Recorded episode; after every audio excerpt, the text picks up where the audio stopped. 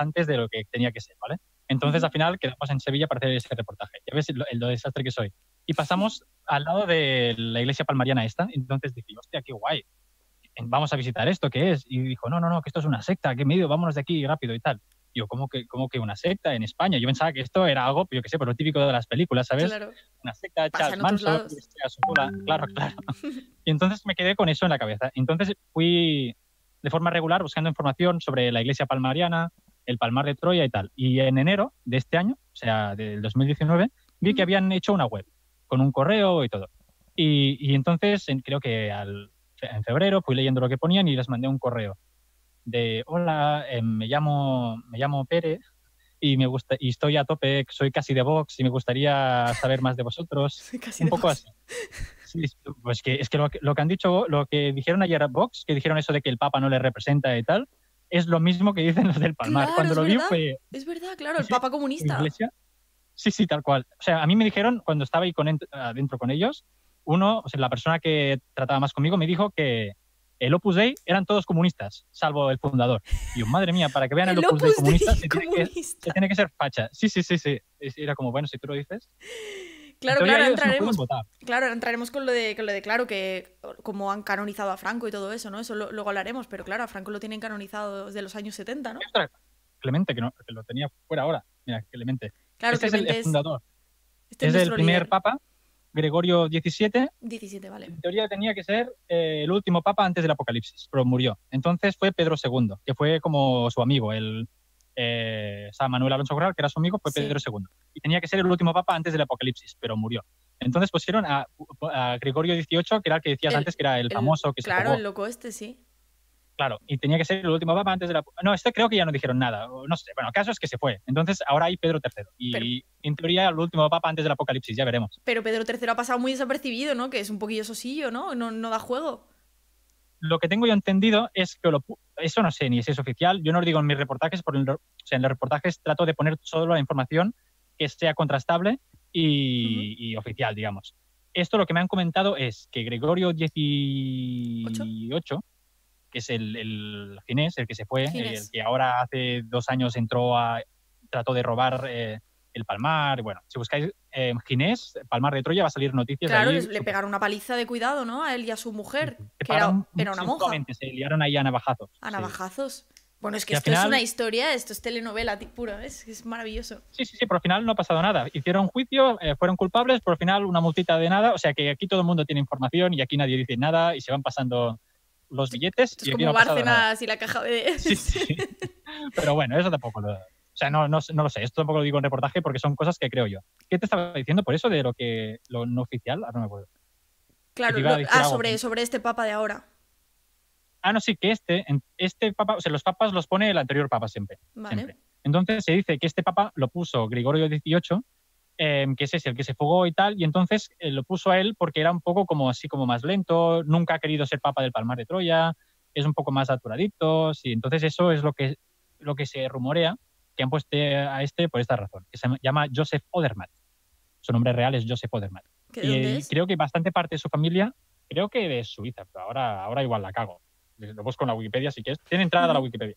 Vale. Joseph- Vale, pues, pero antes de que nos metamos más en meollo, vamos a poner en contexto, porque claro, hay mucha gente, sobre todo fuera de España, que no tendrá ni idea de lo que es el Palmar de Troya y la iglesia palmariana, ni cómo ha surgido esto, ni cómo es, y cómo es posible ¿no? que exista como un universo aparte que en España en la que la gente viva de esta manera, aislada del mundo, interior, del mundo exterior, porque no tienen mm, ni internet, ¿no? Ni, ni pueden ver películas ni siquiera, por lo que, me, por lo que he O sea, visto, ¿no? Hay que diferenciar en dos grupos a los fieles. ¿eh? O sea, están los fieles, digamos, y luego Ujú. están los religiosos. Los religiosos son los que viven dentro de la basílica esta impresionante, Ujú. que son los monjas y los frailes, y estos tienen como unas normas diferentes a los que tienen el resto de fieles, que algunos fieles viven en el pueblo del Palmar de Troya, Vale. y mucha gente piensa que el Palmar de Troya es la secta. Y no, no, el Palmar de Troya es el nombre del pueblo, y en el pueblo del Palmar de Troya está la iglesia palmariana, la, la iglesia cristiana palmariana de los carmelitas de la Santa Faz, en compañía de Jesús y María.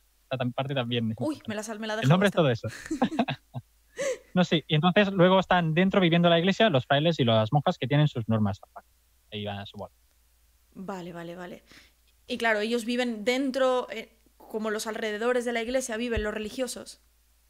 Sí, o en algunos alrededores y los otros cada uno en su país, siguiendo sus doctrinas, sus normas, eh, siempre acorde al catecismo palmariano, a las normas de, yo qué sé, pues las normas de vestir. O sea, lo hacen todo como si estuvieran al palmar, pero fuera, mandando la cantidad de dinero que pertoca aquel mes y cosas así. Claro, vale, porque la sede principal, ¿vale? Está en Sevilla, está en el Palmar, pero luego hay otras sedes en otros lugares de Europa, ¿no? Alemania, Irlanda, ¿no? Tienen sedes. ahora con Irlanda, claro, ahora con Irlanda está viendo, está habiendo controversia, ¿no? Porque se le va a considerar secta peligrosa, o se le ha considerado ya, por la muerte de una, de una chica joven, ¿no? No, fue una. O sea, si es el caso que yo conozco, fue una, mujer mayor que ah, murió y creo que pasaron unos tres meses.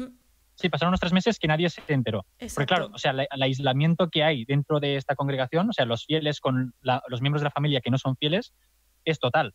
O sea, tú, o sea, aquí tengo el catecismo palmariana, palmariano, luego si quieres te leo fragmentos porque lo que dice ahí te la... Pero, por ejemplo, somos tú y yo somos hermanos. Yo salgo de la iglesia esta, tú no puedes ponerte en contacto conmigo y yo puedo tratar de ponerme en contacto contigo, pero tú no vas a querer, vas a, aislarte completamente, porque si no lo que te dicen es que Dios no estará contigo, tú pasas a ser también una apóstata, em, todo, si tú me dejas algo a mí a herencia mal, no puedes dejarme nada en herencia, y eso lo dice todo el catecismo palmariano que...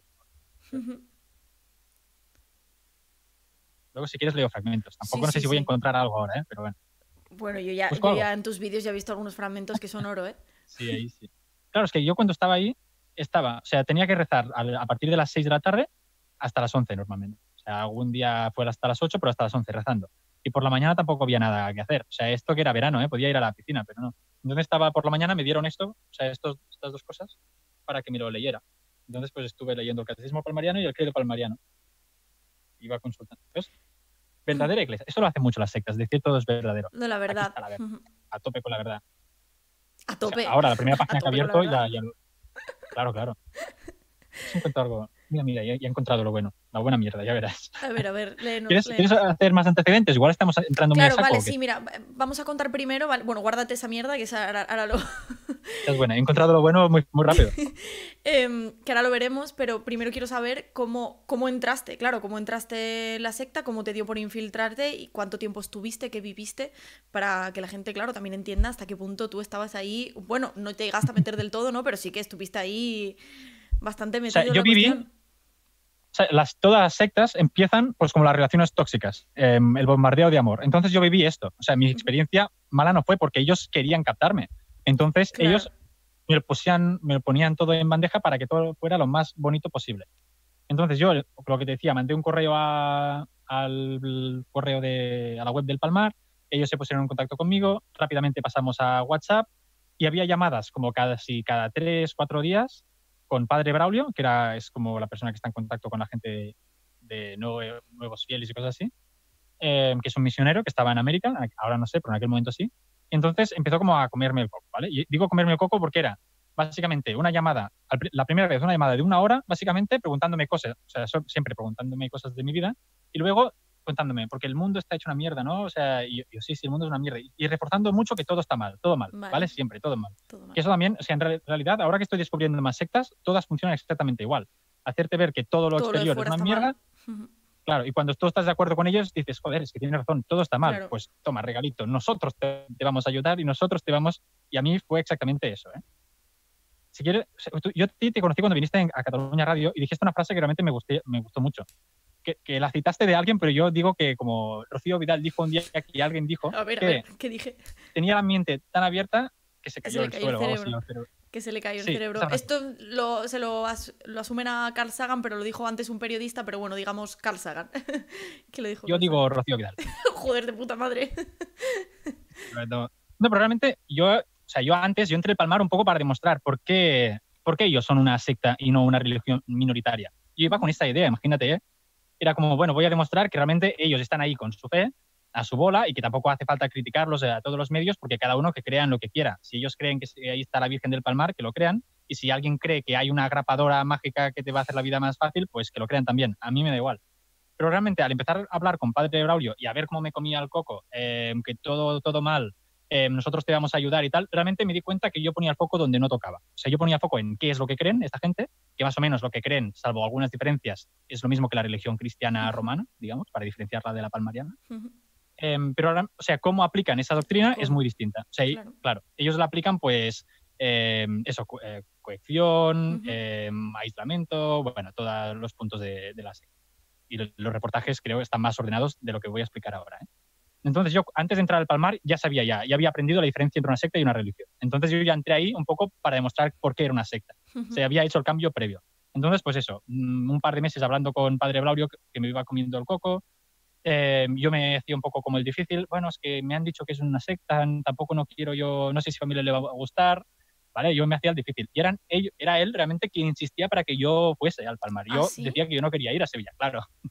que eso también, si tú no sabes nada del Palmar y alguien te dice ven y tú dices vale, igual yo, yo pensé, ellos igual sospecharán, me voy a hacer el duro. No sé si venir, no, puedo, trabajo en la obra. Vale, vale, te hiciste el duro, claro, claro. Claro, claro, aquí haciéndome de, de rogar. Y él, no, bueno, tendrías que venir para conocernos, así verás que somos la verdad, que aquí está Dios con nosotros, es un lugar muy tranquilo, te va a gustar y tal. Y entonces, al final acordamos que en verano, creo que fui a la primera semana de junio, o sea, ahora de junio, sí, ahora un, un año en breves. Bueno, fui ahí. Entonces yo fui, súper nervioso estaba, quedé con ellos a las 5 de un día, con un amigo mío, o sea, fuimos dos. Fui yo solo para entrar y un amigo mío que controlaba la situación desde fuera. Eh, y para no ir solo quedaba un poco de mal rollo.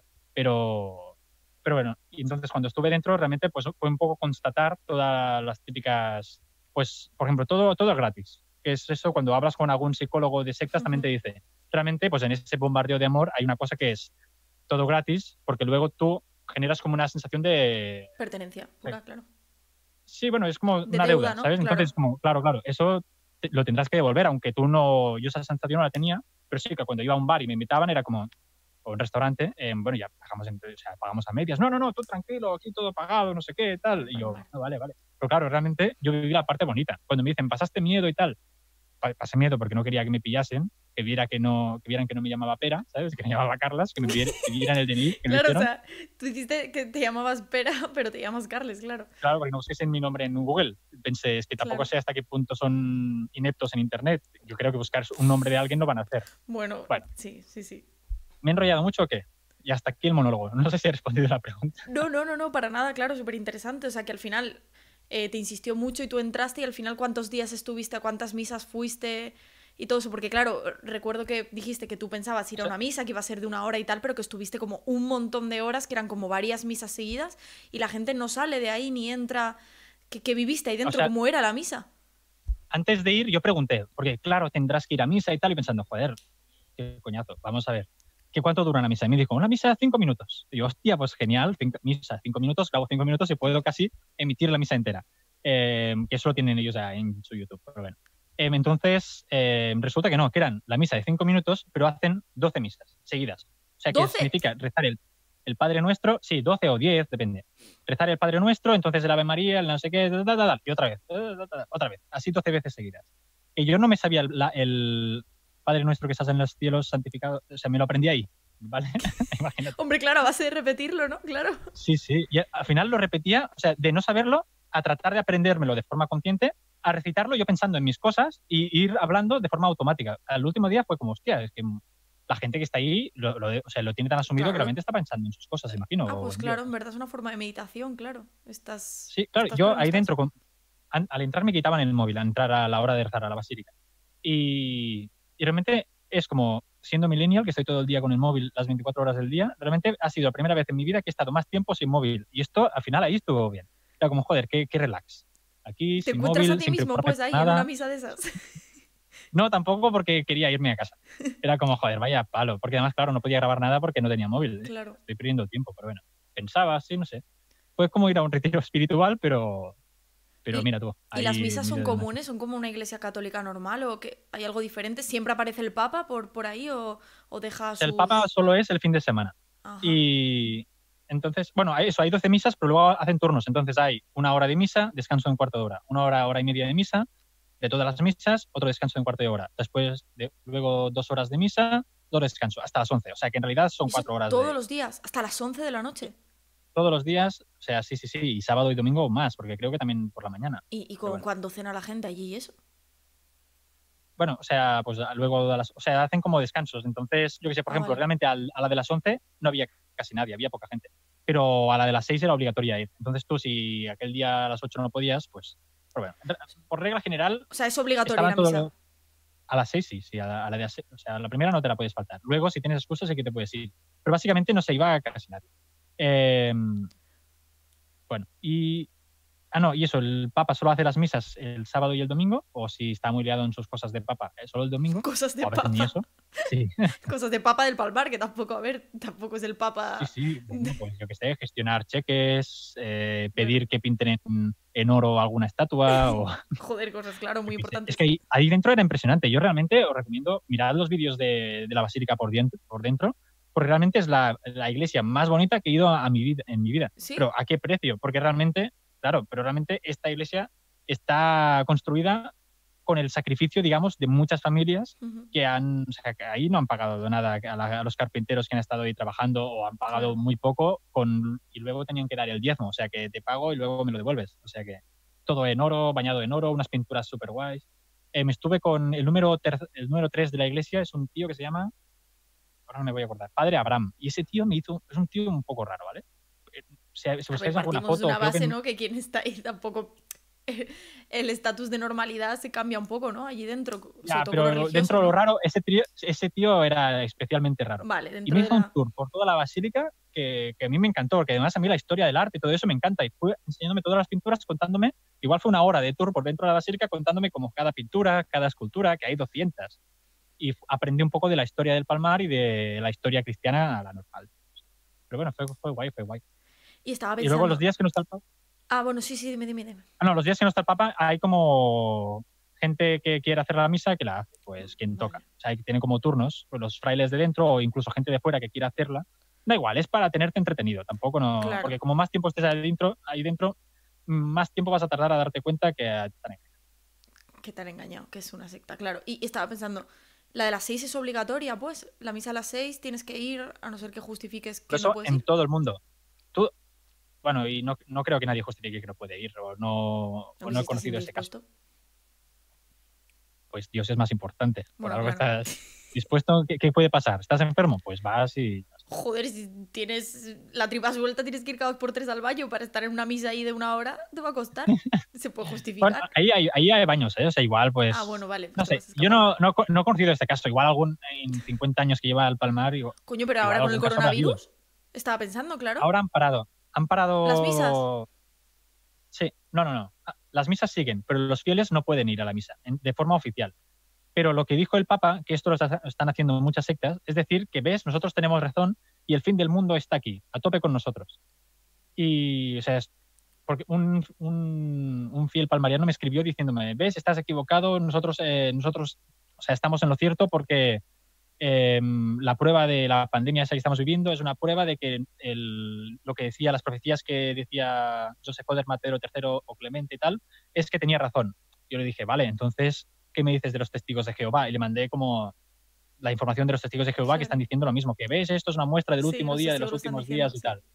Claro, y se quedó como, ostras, y no me dijo nada. Entonces, a, a- a los tres días así- no, no, me dijo como, ostras, en plan, como, joder, pues es verdad. Porque ya Ostras. estuve hablando con él tiempo atrás y es como, bueno, no sé, yo ojalá sirva para que gente de testigos y palmarianos, o sea, he hecho un vídeo como concretamente sobre el tema del coronavirus con las sectas y espero Ujú. que sirva para que gente recapacite, porque o tienen razón unos o, los- o la tienen los otros. Si la tienen la- los dos la razón es que nadie la Es que tiene, nadie la tiene, exacto.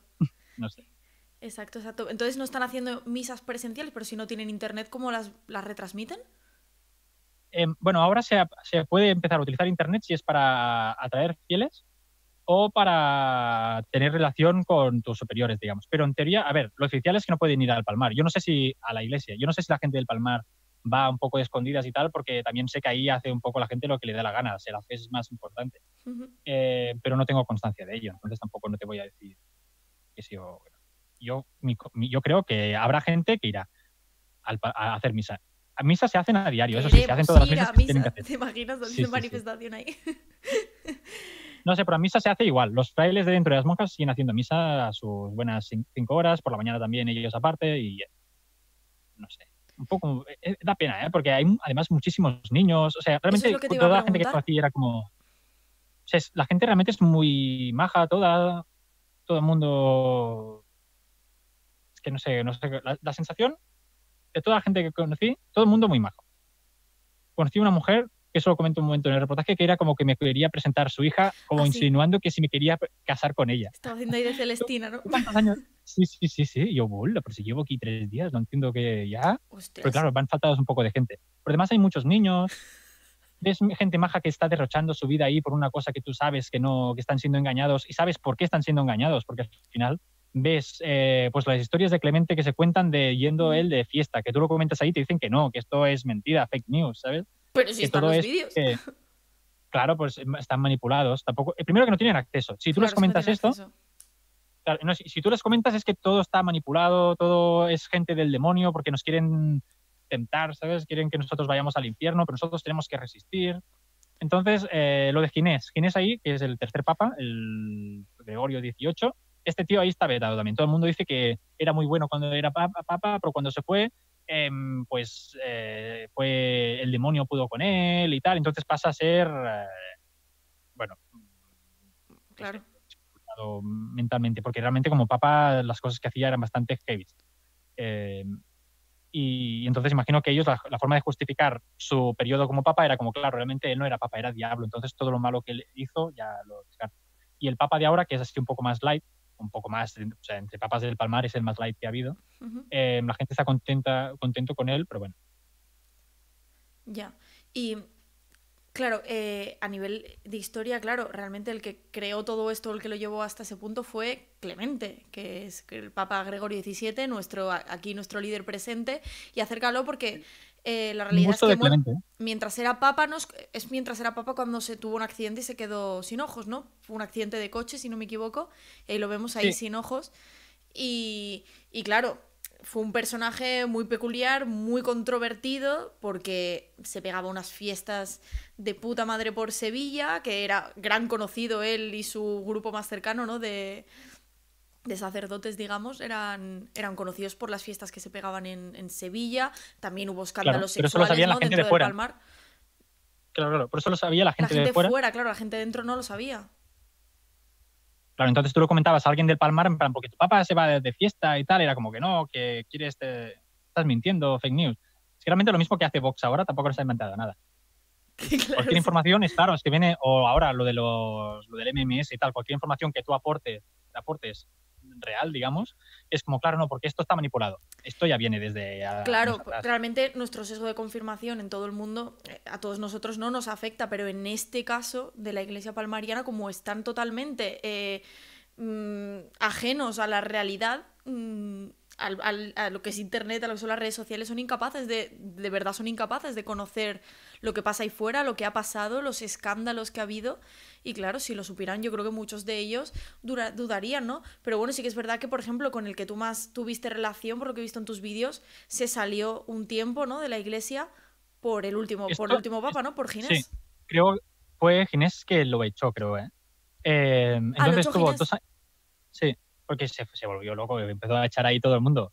Eh, y entonces lo he hecho. Entonces, él, eh, lo que ha hecho ahora el Joseph Odermatt ha sido intentar que vuelva la más cantidad de gente que se fue.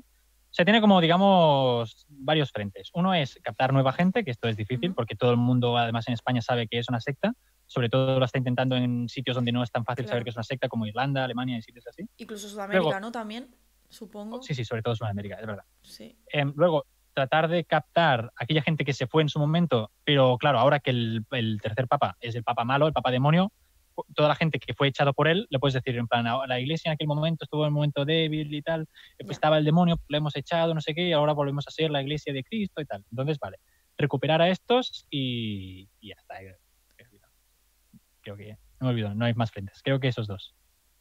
Claro, claro. Y bueno, claro, pero es que captar a gente joven hoy en día, claro, es tan difícil con la fama que tiene la iglesia, quién se va, además de que la doctrina, ¿no? Que eso ahora, ahora lo tocaremos, ¿no? Pero tú comentaste y lo vino que el catecismo y el credo palmariano es una, son una doctrina muy estricta que se pasa, pues, es coercitiva por un lado y también de, pensamiento único, que bueno, lo de pensamiento único es bastante obvio, ¿no? En, un, en, una, iglesia, en una secta tal cual, pero, pero en, en este caso el concepto de la verdad, ¿no? Eh, me dijiste que estaba muy presente y que el pensamiento crítico es, muy heavy. O sea, es como... ¿Hacemos, ¿Hacemos la prueba? Sí. Lo de la verdad está, creo, en todas las páginas sale la palabra la verdad. ahora va a ser justamente la única página que nos saldrá. A ver, ¿eh? Es que a ver, también ahora lo tendré que buscar. A ver. Pues estuve mirando y era como que si buscaba, en cada página salía en un momento que decía la verdad, la verdadera iglesia, la verdad no sé qué. Hombre, yo me apunté una frase que a mí me encantó, que era el rock y derivados es obra del mismísimo Satanás, que eso fue como... eso es buenísimo. Eso sí, sí, hay cosas o sea, hay mayor aliciente para mí que me digan que el metal y el rock es obra de Satanás. Es como, gracias, necesitaba esa confirmación. Eso sí que es la verdad. Gracias, Satanás, por traernos el rock. Tú puedes grabar vídeos, además, y puedes mirarlos desde el móvil, pero no puedes reproducir los vídeos en la tele. Eso está prohibido. Y era como, ¿pero por qué? ¿Por, por qué? Porque imagino que en su momento no se podía ver la tele. Y ahora, cuando han llegado los móviles, los móviles, pues imagino que sí lo que los tienen ellos. Entonces tú puedes grabar vídeos, verlos desde el móvil, pero no puedes ver los vídeos que has grabado del móvil desde la tele. Y eso también está aquí, era como, pero qué tontería es esto. Era como, ¿no veis? ¿No veis? ¿En serio que no tiene sentido? Ah, y además, el chico con quien yo estaba, que ahora no me acuerdo el mote que le puse, ¿te acuerdas cómo se llamaba? Lo llamo de otra forma, para no decir su nombre real. Abraham o algo así.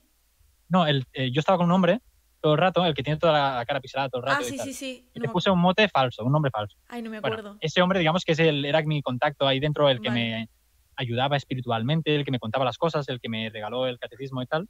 Él estuvo dos años fuera, como antes comentabas. Em, fue echado por Ginés. Lo fue echado, no estoy 100% seguro, pero creo que sí, que fue echado porque él no tiene pinta de creer, de haberse querido. Pero bueno, entonces estos dos años estuvo haciendo todo lo que no podía hacer en el Palmar, o sea, viendo películas que dice que le gustaban mucho el cine. Eh, o sea, entonces era como, a ver, pero entonces, ¿cómo puede ser que a ti te gusta todo esto que no puedes, o sea, hablaba con la gente normal, era muy sociable, dice él, vestía normal también, y era como, vale, a ver, ¿cómo puede ser que has estado dos años, que te han echado el palmar, no estás en la fe verdadera? Has descubierto la vida. Te has puesto a hacer, claro, tú te has puesto a hacer todo lo que a ti realmente te gustaba. Y la frase, que me decía esa frase todo el rato, era, bueno, el palmar es más importante. ¿Sabes? Era como, pero, pero, pero, pero, pero, pero claro, ¿pero por qué? Una vez que has salido y has eh, visto todo.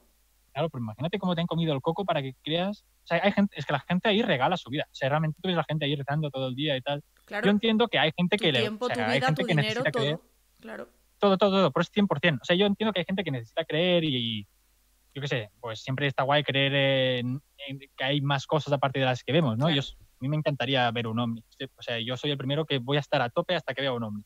Pero, pero claro, no con la fe. Entonces es como, si tengo, hay gente que sí que quiere creer, sea en eso, sea en los ovnis, en lo que sea. Em, y realmente yo lo entiendo, pero se tiene que saber llevar, o sea, la diferencia entre religión y secta es saber llevar tu fe de una forma sana, digamos, sin que nadie te, eh, bueno, te manipule, te, todo, todo, lo que tiene una secta. Claro. Te leo los heavy de antes si quieres. Sí, sí, sí, léenos, léenos, deleítanos. Bueno, explica lo que es, vale, esto te lo dieron como el primer día que llegaste allí, te dieron un credo, ¿no? Y el catecismo palmariano. Dos días, sí. ¿Qué diferencia hay entre uno y otro? Porque yo dije, yo dije que por la mañana estaba aburrido, que si podíamos hacer algo, porque claro, yo estaba ahí en, la habitación donde tenía que estar ahí sin hacer nada y era como, podemos hacer, puedo hacer algo para grabar. Es que, o sea, si tú, si tú miras el reportaje realmente, ves que hay 200 planos desde todos los ángulos, como si tuviera 200 cámaras. Y era una cámara que iba grabando la misma escena. era como, claro, toda la mañana, ¿qué hago? Bueno, pongo la cámara aquí y hago ver que duermo. Venga, ahora, ahora pongo la cámara aquí y hago un primer plano, venga. Claro. tío, y al final le dije al, al hombre ese, en plan, me gustaría si podemos quedar a desayunar o algo por la mañana. Para, claro, enséñame, adoctríname un poco. Claro. claro, era aislamiento y rezar. Era como, bueno. Porque además, cuando querías, si yo cogía la puerta y me iba, sí que iba en plan, eh, ¿dónde vas? ¿Dónde vas? No, no, hombre, em, ahora, ahora vengo yo, que vamos a ir a comer al restaurante este y te vengo y tal. Te tenía, muy, te tenía muy controlado. Sí, porque yo, si yo estaba en una casa que era suya, es de propiedad de la iglesia, no sé, me hicieron, me contaron que era como un albergue o algo así, pero aquello no tenía pinta de albergue. O sea, como la casa que habían adaptado.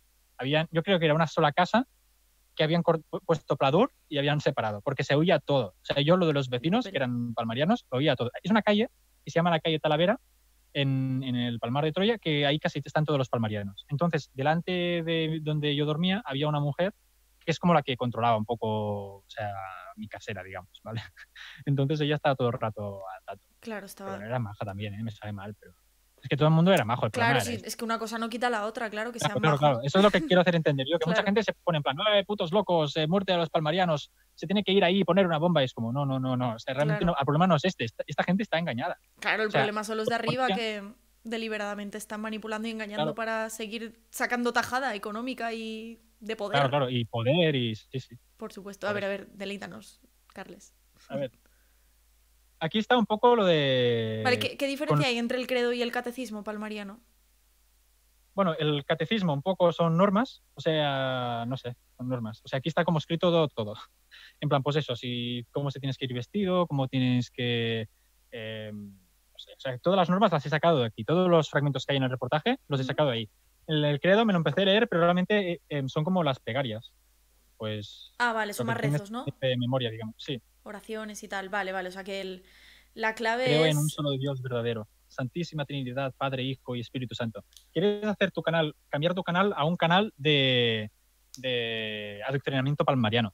Aquí das un giro a tu carrera que no te lo esperas, ¿eh? Buah, Y cada día leer un poquito del me credo. forro. Me forro. O sea, ya solo por las views, por las risas, yo creo que. Eh, pues poca broma. Hombre, sí, sí, que ya te digo, yo lo que ya leíste en el reportaje, que ahora dirás algunas cosas, yo ya aluciné. A mí, en, en su web, cada mes hacen una especie de, de informe, eh, pues informe de la Iglesia Palmariana de este mes, informe de la web, y comentan cómo ha ido la web. Entonces, cuando yo estuve haciendo los reportajes, me contaron, pues eso, que yo era un mentiroso, que realmente ellos ya sabían que yo estaba grabando porque vieron que tenía una cámara puesta en, en la camisa, y yo, yo grabé con el móvil todo, o sea que, a ver, tampoco, o sea, La cámara, Cámara ahí pequeña. oculta. de Spy Kids, ¿sabes? Eso que son invisibles. No, no, yo cámara no tenía. Pero bueno, y entonces en un momento dijeron, pero estamos muy contentos porque se ha convertido en el apóstol de la iglesia palmariana porque nos está dando a conocer por el mundo. Y yo, hostia, qué guay. Y lo puse en el, en el LinkedIn y me hice esa taza, esa taza. Esa es mi taza de apóstol. Que ves, Aquí está la madre del palmar coronada. Sí. Esta es, es la que se apareció, que en teoría se tiene que aparecer en breves, ¿vale? Otra vez. Ya Pero toca que pa- se aparezca. años. Sí, pero hace ya 50 años que. Pero bueno, no es, no es puntual. ¿no? Eh, en la Biblia no dice que sea puntual. dale su tiempo que viajar por el espacio-tiempo cuesta, joder. y este es el Palmar. Realmente me encantó, eh, me gustaría volver a ir, pero ya no, ya no puedo. Yo, te, yo lo recomiendo a todo el mundo. Por Semana Santa, si quieren ir, que no den dinero sobre todo y que vayan a visitarlo. Porque es, es curioso, pero bueno, da pena toda la gente ahí. Pero bueno. Es Bueno. como co- que propaganda estoy haciendo del Palmar. Es que Ya ves, vaya, vaya como, como apóstol no, soy impecable, que no sé qué. Totalmente. Y mm, bueno, vamos a, a- a- a leer un poco lo del catecismo y tal, y luego nos contarás qué pasó cuando saliste, cuáles fueron las reacciones, cómo te, supongo que te demonizaron un poco y tal, porque también sí, sí. tendrá su chicha, pero vamos a deleitarnos un poco con a ver qué, qué normas, qué nos cuenta, qué tenemos que hacer para ser un buen palmare- palmariano A ver, de hecho. espera un momento, que alguna preview. Bajo pena de excomunión reservada del Papa, sin expresa autorización papal, está prohibida a los miembros de la Iglesia palmariana cualquier comunicación directa o indirecta con los que apostataron de ella. Así que si tú te vas, ya no puedes, está prohibido hablar. O sea, si no, te, te echan a ti. Y tú realmente, tú- mucha gente me comentaba también, bueno, pues que, la- que los echen mejor para ellos. Y es, ya, ya, pero si tú crees realmente que ahí está la verdad, que ahí tú vas a ir al cielo y tal, tú no quieres que te echen, prefieres no conocer, porque la fe, el papa, el palmar es más importante, lo que decía antes el Claro. hombre. En- tú realmente crees que estás donde tienes que estar. Y realmente yo tampoco vi a la gente, o sea, la gente sonriente, feliz y tal, como las típicas sectas que ves a las pelis que están todos todo el día bailando. Hippies ahí. el yo no lo. Sí, yo eso no lo vi. Pero realmente me dio la sensación que es felices, felices no son, eso es opinión personal de nuevo, ¿eh? Felices, felices no son, pero piensan que lo de fuera es tan malo que más vale malo conocido que malo por conocer. ¿Sabes? Entonces, un poco la sensación es esta, porque la gente que ha salido, la gran mayoría no quiere volver. O sea, ve un poco la, la verdad, digamos, que hay en el mundo. La verdad, ahora lo he dicho yo, trato siempre de evitar la verdad, ¿eh? Ahora me estoy- verdad. me Es que estoy- es una palabra poderosa, hay que usarla con cuidado.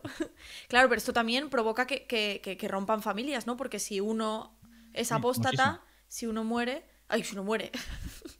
si uno sale. Sí. Bueno, claro que en cierta manera muere para los que están dentro, porque hay familias que llevan años sin hablarse y que para ellos sus Bueno, hijos, ellos- sus padres están muertos, ¿no? Como si estuvieran muertos. les han convencido de tal modo que piensan que ellos, rezan- estando dentro, rezando por los de fuera, les están ayudando. Entonces, eh, yo, si quiero a mi hermana y estoy dentro y ella fuera, yo me quedo porque es el modo de que mi hermana se salve. Yo voy a rezar por ella para así ella se va a salvar. Por, mi sacrificio sirve para eso, Vale. ¿sabes? Para salvar a mi hermana. Porque ellos saben que se están sacrificando, pero para el más allá, que pensaba, joder, no sabemos que hay más allá, pero sabemos que ahora hay vida. O sea, ahora ya claro. sacrificaremos a la siguiente si la hay, ¿sabes? No. Es que Es- es esto es algo que realmente era muy usual en la, re- en la religión hasta hace unas décadas. Era, era, era lo común realmente. Esta vida es sacrificio, esta vida es durísima porque también las condiciones de vida antaño eran muchísimo peores, ¿no? O sea, o vivías para trabajar en condiciones deplorables, o te morías de una enfermedad a los 30 años, o se te moría en la mitad de tus... O sea, que las condiciones de vida eran tan horribles que se, se tenía ese sentido del sacrifiquémonos en esta vida, demos nuestra vida a, a Jesús para que la próxima vida sea mejor. Pero hoy en día, con las comodidades con las que vivimos, se queda un poco, es más complicado encontrar un tipo de doctrina religiosa que te diga, no, no, esta vida es puro sacrificio porque la otra será mejor. Es como, te tienen que aislar mucho del mundo para que tú creas que eso es así, porque joder, a no ser que estés en una situación la mayoría muy de gente lleva allí desde que nació, de los 17 Claro. años, o sea, gente nueva. Yo cuando estaba yo me comentaron, se remure, o sea, alguien comentó que había otro chico que también estaba siendo captado, que también entraría. Ellos querían que yo entrase como ya como religioso, ¿eh? ya de, de golpe. Venga, venga, venga, que necesitamos Ostras, ni gente fiel joven. ni nada. Ah, Sí, sí, sí, era como bueno, un periodo de fiel, pero bueno, tú ya quieres ir a religioso, tú ya era como que iban sembrando el terreno. Madre yo, ostras, sí que hay necesidad, ¿no? Están desesperados. Sí, sí. Pero bueno, ¿te leo otra de los antipalmarianos? Sí. A ver. Eh, bueno, los apóstatas mientras no se arrepientan están contra Cristo y su iglesia. Entonces ahora una, una parte que te incumbe que son los antipalmarianos. Tú ahora simplemente por est- estar hablando conmigo ya eres antipalmariana, por estar difamando a la iglesia palmariana. Ay, ¿qué, qué ¿Vale? pasa? ¿Qué voy a pasar Porque conmigo? eso se puede, se puede contar difamación o estamos haciendo propaganda. Apostolado, difamación. ¿Dónde está la línea, no? La línea está fina. A ver, los antipalmarianos, bien sean esposos, esposas, hijos u otros allegados, no se puede tener, bajo pena de excomunión reservada al Papa, ningún trato directo o indirecto. Deberá tener guardado bajo llave todo lo que la Santa Sede envíe o haya enviado a fieles, ya que no pueden tener dichos apóstatas acceso a dichas publicaciones. O sea, en, te- en teoría, lo- la gente que no cree no puede tener acceso a esto, porque claro, tú ya aquí ves un poco el. se les ve Hombre, un poco. El plumerillo. Un- a ver si encuentro. Sí, sí, a ver si encuentro lo del dinero. A ver. Bueno, tendrás bajo llaves que repiten un poco lo mismo también. Claro, Ah, vale, ahora, ahora, los bienes. los bienes, eso. Claro, esa es otra cuestión. Sí, o sea, hablan los fieles, el bien de los bienes de, la- de los fieles y tal. Dichos bienes, nada podrá ir. Nada podrá ir a parar directa o indirectamente a manos de antipalmarianos manifestos. O sea que todo, toda la iglesia. A los apóstatas de la iglesia palmariana, también llamados expalmarianos, no se puede dejar nada en herencia excepto lo que sea obligatorio según las leyes de cada país. Eh, respecto a los antipalmarianos, hay que hacer todo lo posible para que nada de la herencia caiga en sus manos. Está todo aquí, ¿eh? No me invento nada. En el reportaje he puesto las capturas para que Claro, o vean sea, que no me invento nada. vamos, que igual, claro, si hay disgradación entre la familia, el resto de la familia no ve un duro de la herencia de sus padres y los padres están dentro, todo va a Si la iglesia hijos- palmariana. claro. Y eso ha, sí, sí, sí, y eso ha pasado. Hay una, un caso de una chica, una mujer mayor, que ella dejó, o sea, dio todo, o sea, todo su casa y todo lo dio al Palmar, ¿vale? Una donación. Porque ahí, claro, es como, no, no, Claro, yo no, claro, yo no pido nada, es una donación. Es como, vale, tú induces a que te lo donen, ¿vale? Es una donación voluntaria. Bueno, Voluntaria, claro. su casa, su casa era del Palmar y tal. Entonces, esa mujer al final dejó el Palmar, ¿vale? Entonces, realmente estaba en su casa, pero su casa hacía años se la había dado a la iglesia. Entonces, los de la iglesia dijeron, venga, a la calle. Y era una mujer de 70, 80 años, muy mayor. Era como, hombre, no me puedes dejar a la calle y tal. Y era, vale, pues vamos a hacer la otra opción. Te cobramos, eh, te cobramos un alquiler. Y era como, bueno, es que esa casa era mía. Y en plan, por favor. sí, sí. Y era como, bueno, no, pues puedes estar un alquiler y tal. Entonces, esta mujer tenía familia que era algún sitio de Cataluña, no me acuerdo exactamente dónde. Y entonces ella fue a visitar a su familia o a su hijo o su primo, no sé exactamente, a Cataluña. Entonces, cuando volvió, se encontró sus cosas fuera de la casa y su casa con el paño cambiado. O sea, con el cerrojo, no sé.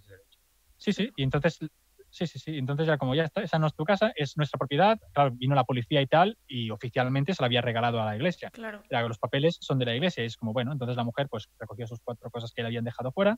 Ah, no, no se lo habían dejado fuera, lo habían tirado a la basura directamente, porque llegó y estaba en la basura delante de casa con todas sus cosas dentro. O sea, imagínate qué jetas. Y esa historia me la han contado varias personas. Y no se puede de dentro, denunciar ¿no? por realmente es manipulación, ¿sabes? Es- no sé, es como manipulado es que el problema. O sea, el problema de las sectas en España es que no hay una regulación, digamos. Entonces, si no se puede sacar una persona dentro, que la familia te está diciendo que está siendo manipulado para, por una secta, eh, que realmente sus decisiones no las toma por voluntad propia y la justicia no puede hacer nada, porque si tú vas, yo, tú estás en una secta, te pregunto a ti, ¿tú estás bien aquí? Tú tienes 200 personas detrás controlando ver lo que dices y tú dices, sí, sí, yo estoy muy bien, estoy con la verdad, yo quiero quedarme aquí. La policía dice, ven, pues ya está, hasta aquí hemos llegado, tú quieres estar aquí. El problema es este. No sé, ojalá algún día la regulación cambie, no sé. Claro, esto pasa también con las sectas sectas relacionadas con la salud, no digo secta ya, pero bueno, sí, este tipo de gurús de la salud, ¿no? Que ha habido casos ahí, claro, que también eh, les han recomendado terapias naturales, ha habido personas que han muerto por no hacer tratamientos del cáncer cuando tocaba y eso, y luego familiares han dicho, oye, esta mi hijo murió, ¿no? Como el famoso caso Mario, mi hijo murió porque le recomendaron vitaminas para el cáncer y se dejó la quimioterapia por culpa de un médico. Y ese médico ha quedado absuelto porque se entendió que había libremente decidido el hijo eh, dejarse la quimioterapia. Pero yo creo que eso es una versión muy simplificada de lo que es una manipulación real y coercitiva, ¿no? De lo que es una secta de la salud o como lo queramos llamar, pues en este caso es parecido. No, es que los gurús realmente no son tontos, o sea, saben muy bien lo que hacen. Entonces ellos no te van a dejar sea, la manipulación difícilmente la van a dejar por escrito. Lo que hacen es todo, pues, verbal. Es como, ¿tú qué quieres? ¿Salvarte o morir? ¿Vale? Dime tú, ¿tú qué quieres? ¿Salvarte o morir? Salvarme. Claro, pues yo te salvo 100%. Tú, si vas aquí a, los, a la farmacia esta, tienes el 50%. ¿Tú qué haces? 50%, 100%. Farmacia, yo que soy, la verdad, pues tienes a mí. Entonces, claro, es como, sí, sí, voluntario. Yo no lo veo voluntario. Sí, sí, claro, por eso hay que tener en cuenta los matices. y en este caso también es así, ¿no? Lo de la iglesia palmariana hay mucha gente. Bueno, ha habido muchos, muchas denuncias también públicas, ¿no? De familiares que querían la herencia de... Pero se las ha quedado todas el Palmar. Porque ahí entiendo que, claro, cada persona que está en el Palmar dona sus bienes o dona un dinero al mes o cómo funciona. hay como una norma no escrita que es el diezmo, que es tú tienes que dar el 10% de tu sueldo como una donación a la iglesia. Entonces puedes dar más, puedes dar menos y tal. Pero, por ejemplo, yo he hablado con muchos fieles, incluso esto ahora, ¿eh? en tiempo actual, o sea, yo los reportajes trato de contar más el presente que el pasado. O sea, cómo se está viviendo hoy en día en el Palmar. Entonces, hoy en día, alguna familia me ha comentado que va a salir en la segunda temporada, que... Aquí voy haciendo spam. Em, a ver cómo lo cuento que realmente ellos daban el diezmo a la iglesia palmariana, probablemente ellos estaban todos los días comiendo macarrones porque no tenían más para comer. Era como, joder, eso es muy heavy. O sea, que realmente era, yo no creo que el diezmo, mucho más, pero bueno, ya me lo contarán ellas. Y, o sea, el diezmo, los bienes, ya ves que no puedes dejar nada en herencia. Es que solo leyendo esto, yo no entiendo por qué no alguien leyendo esto no ve ya que hay manipulación, porque esto es la verdad. Tú tienes que hacer esto o te echan. Es como, entonces no ves aquí que me están obligando a dar a dar mi casa, a dar mi, los bienes, a darlo todo. Es que claro, yo cuando lo, leíste a mí me pareció muy evidente. Dicen, si, si no supone un perjuicio grave, todo lo, todos los bienes tienen que, ser donados, ¿no? O gran parte de tus bienes tienen que ser donados a la iglesia palmariana, porque... Claro, pero luego entiendo que cada uno allí tiene un trabajo aparte, un sueldo. Que, ¿A qué se dedican los, los fieles palmarianos? Pues los religiosos, evidentemente. Sí, hay fieles que se dedican a, por ejemplo, al palmar, o sea, yo, pues el carpintero del Palmar, el cosas así, electricista del Palmar. Y entonces tienen un sueldo. Y después de ese sueldo hay una parte que les vuelve a ellos. es una inversión. Y además les trabajan para ellos. O sea que, eh, por ejemplo, hay un hombre que sale en el reportaje, en, el, en uno de los capítulos, que no creo que, se, no sé si al final puse su, su oficio, pero él era, era carpintero del Palmar. se ve que dice que, le pagaban bien hasta que empezaron a pagarle peor. Él se fue del Palmar por cosas personales y la historia que cuenta su mujer y tal. Y luego él seguía trabajando en el Palmar, pero sin, ser palmariano. Y sé que ahí empieza un poco el bullying y tal. Em, entonces hay gente que trabaja fuera del Palmar, yo que sé, por ejemplo, de Nutreras, hay algunos barrios donde trabajan unas chicas que son palmarianas. Entonces tienen la, o sea, tienen permiso para hablar con la gente mientras están en el bar, que no creo que mucha gente trabaje de servicio al público. ¿eh? Pero luego esta misma chica te la encuentras por la calle, siempre va vestida como toca, eso sí, con las normas de cinta palmariana, pero luego si, la encuentras por la calle, que gente de Utrera me ha escrito, en plan, estas chicas son palmarianas, cuando están en el bar te hablan lo justo, lo cordial, pero muy bien, y si me la encuentro por la calle antes de trabajar es ni una palabra, ni una mirada. No saludan. De hecho, eso ocurre en el mismo Palmar de Troya, en el pueblo como tal, ¿no? Porque ahí tienen que convivir palmarianos con no palmarianos y su relación es prácticamente nula. Sea, yo nunca me he sentido tan como un fantasma como cuando era palmariano, ¿eh? Porque claro, yo iba vestido como tal. Sí, o sea, yo iba vestido, pues eso, como la foto que has colgado, que era camisa, o sea, que un, un panoli, ¿vale? A 30 grados, ¿no? En Sevilla. Sí, sí, en, eso en verano, que tampoco pasas desapercibido, con camisa, pantalones largos, todo atado y tal, que a veces se me olvidaba eh, y el, el, hombre conquistaba me decía como, o sea, me, ¿cómo se llama? Como, eh, me ponía manga corta, ¿cómo se dice? Arremangar, no sé. Arremangar, sí. Ah, sí, vale, pues eso lo hacía y el chico me decía como, eh, y cuando estábamos en el coche, yo, hostia, perdón, es que tengo mucha calor, estoy sudando. Es como que me Cuidado, no se pueden ver los pelos de tu brazo, es pecado. Sí, sí, sí, sí, Pero bueno, entonces cuando yo iba andando, la gente del Palmar sabe que yo era, sabía que yo era un nuevo palmariano, porque iba vestido, pero no, no iba con la camiseta marrón que todos llevan y tal. Yo iba como de blanco, pero vestido como palmariano. Además, la gente me miraba raro, en plan, mira, por, yo creo, mira, por otro que va ahí y tal. Pero la gente no me dirigía la palabra. O sea, hubo un momento que me sentí realmente como un fantasma. Fui a un bar donde había quedado con este hombre. Y me dijo, quedamos a tal hora a este restaurante para comer. Entonces yo voy ahí, me siento, llegué, claro, tenía toda la mañana libre, libre llegué como media hora antes, y era una mesa de cuatro, ¿vale? De esas mesas que son las típicas mesas grises de bar, que, son dos y dos, que, la puedes separar fácilmente. Entonces luego vino un grupo de dos personas que no tenían mesa y en vez de pedirme si podían coger la mesa y sentarse, se sentaron como casi al suelo, apartados. Y yo pensando, pero ¿por qué no me piden la mesa? Que es lo normal, si tú vas a un bar y no hay sitio, ¿no? perdona. Sí, sí, y, hostia, y les dije en plan, perdonad, que si queréis esa mesa, que yo no la voy a utilizar, solo somos dos. Ah, vale, vale, muchas gracias, muchas gracias. Y se sentaron ahí. Y ostras, todo que heavy. O sea, realmente la relación es absolutamente nula. O sea, nada. Qué fuerte. Y en cuanto me preguntan mucho por el chat que cómo es el tema de pues, las relaciones maritales, sexuales, qué se permite, qué no se permite. A ver, me lo puedo, o sea, me lo puedo imaginar, ¿no? Me lo, al final habrá mucho, o sea, el sexo estará limitado a la reproducción, ¿no? Y cualquier cosa más allá. También está eso en el catecismo, ¿no? Que lo, vi que lo leíste. Yo hablo de oídos, ahora, eso ya no es experiencia personal. Em, solo puedes tener eh, relaciones si es de, o sea, obviamente cuando estés casado, eh, y sí, sí, solo para reproducirte y casi sin con ropa, ¿eh? O sea, levantas la... Sí, sí, es lo que me contaron, que es que casi ni desnudos. Pero bueno. Ostras, eh, Eso no me acuerdo, eso lo leí que estaba... Eso no me acuerdo ahora, es que hace ya un año casi. Claro, es que creo que lo leíste, ¿no? Del, del catecismo, que había una parte como de relaciones sexuales y todo eso, ¿no? Es verdad, es verdad, creo que sí, a ver. Sí, sí, me suena que, que, leíste. creo que estaba como para el final. Ah, sí, es... ¿eh?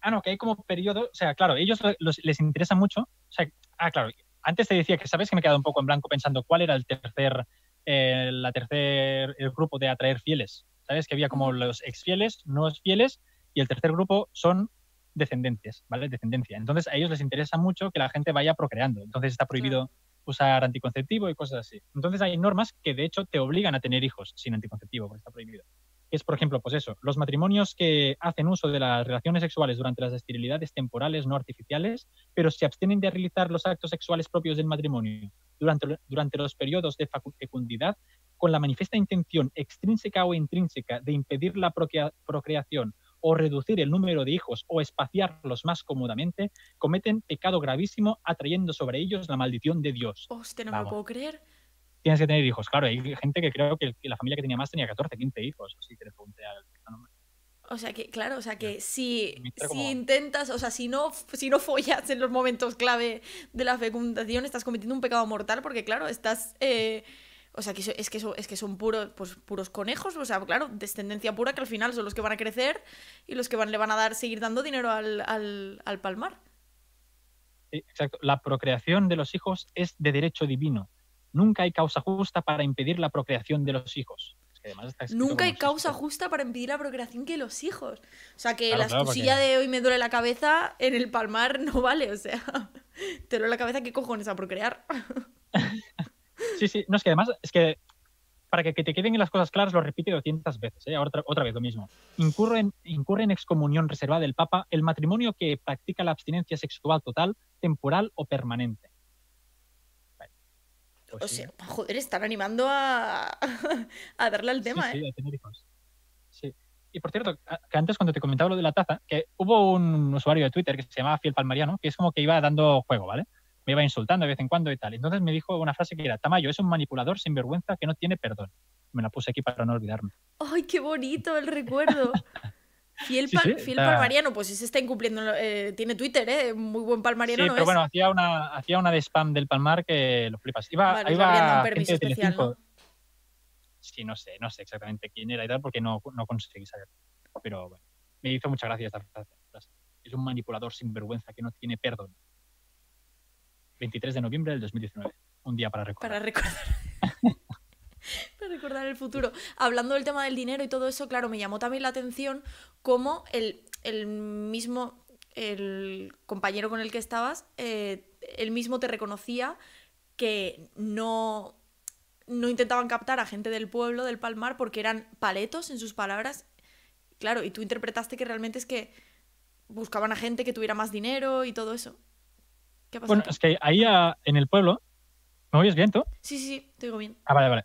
Em, ahí en el pueblo todo el mundo ya sabe que son una secta. Entonces, y además, la gente del pueblo que está en el Palmar de Troya, ellos mismos dicen que, su nivel adquisitivo tampoco es que sea una maravilla. Que si van ahí, claro, una mujer súper graciosa del pueblo que estoy súper contento que haya dejado ponerla en el reportaje, porque la mayoría de gente no quería ni salir, era como, mira, esto no va conmigo, hmm. a mí sí, sí. Entonces, que alguien del pueblo quisiera hablar costaba.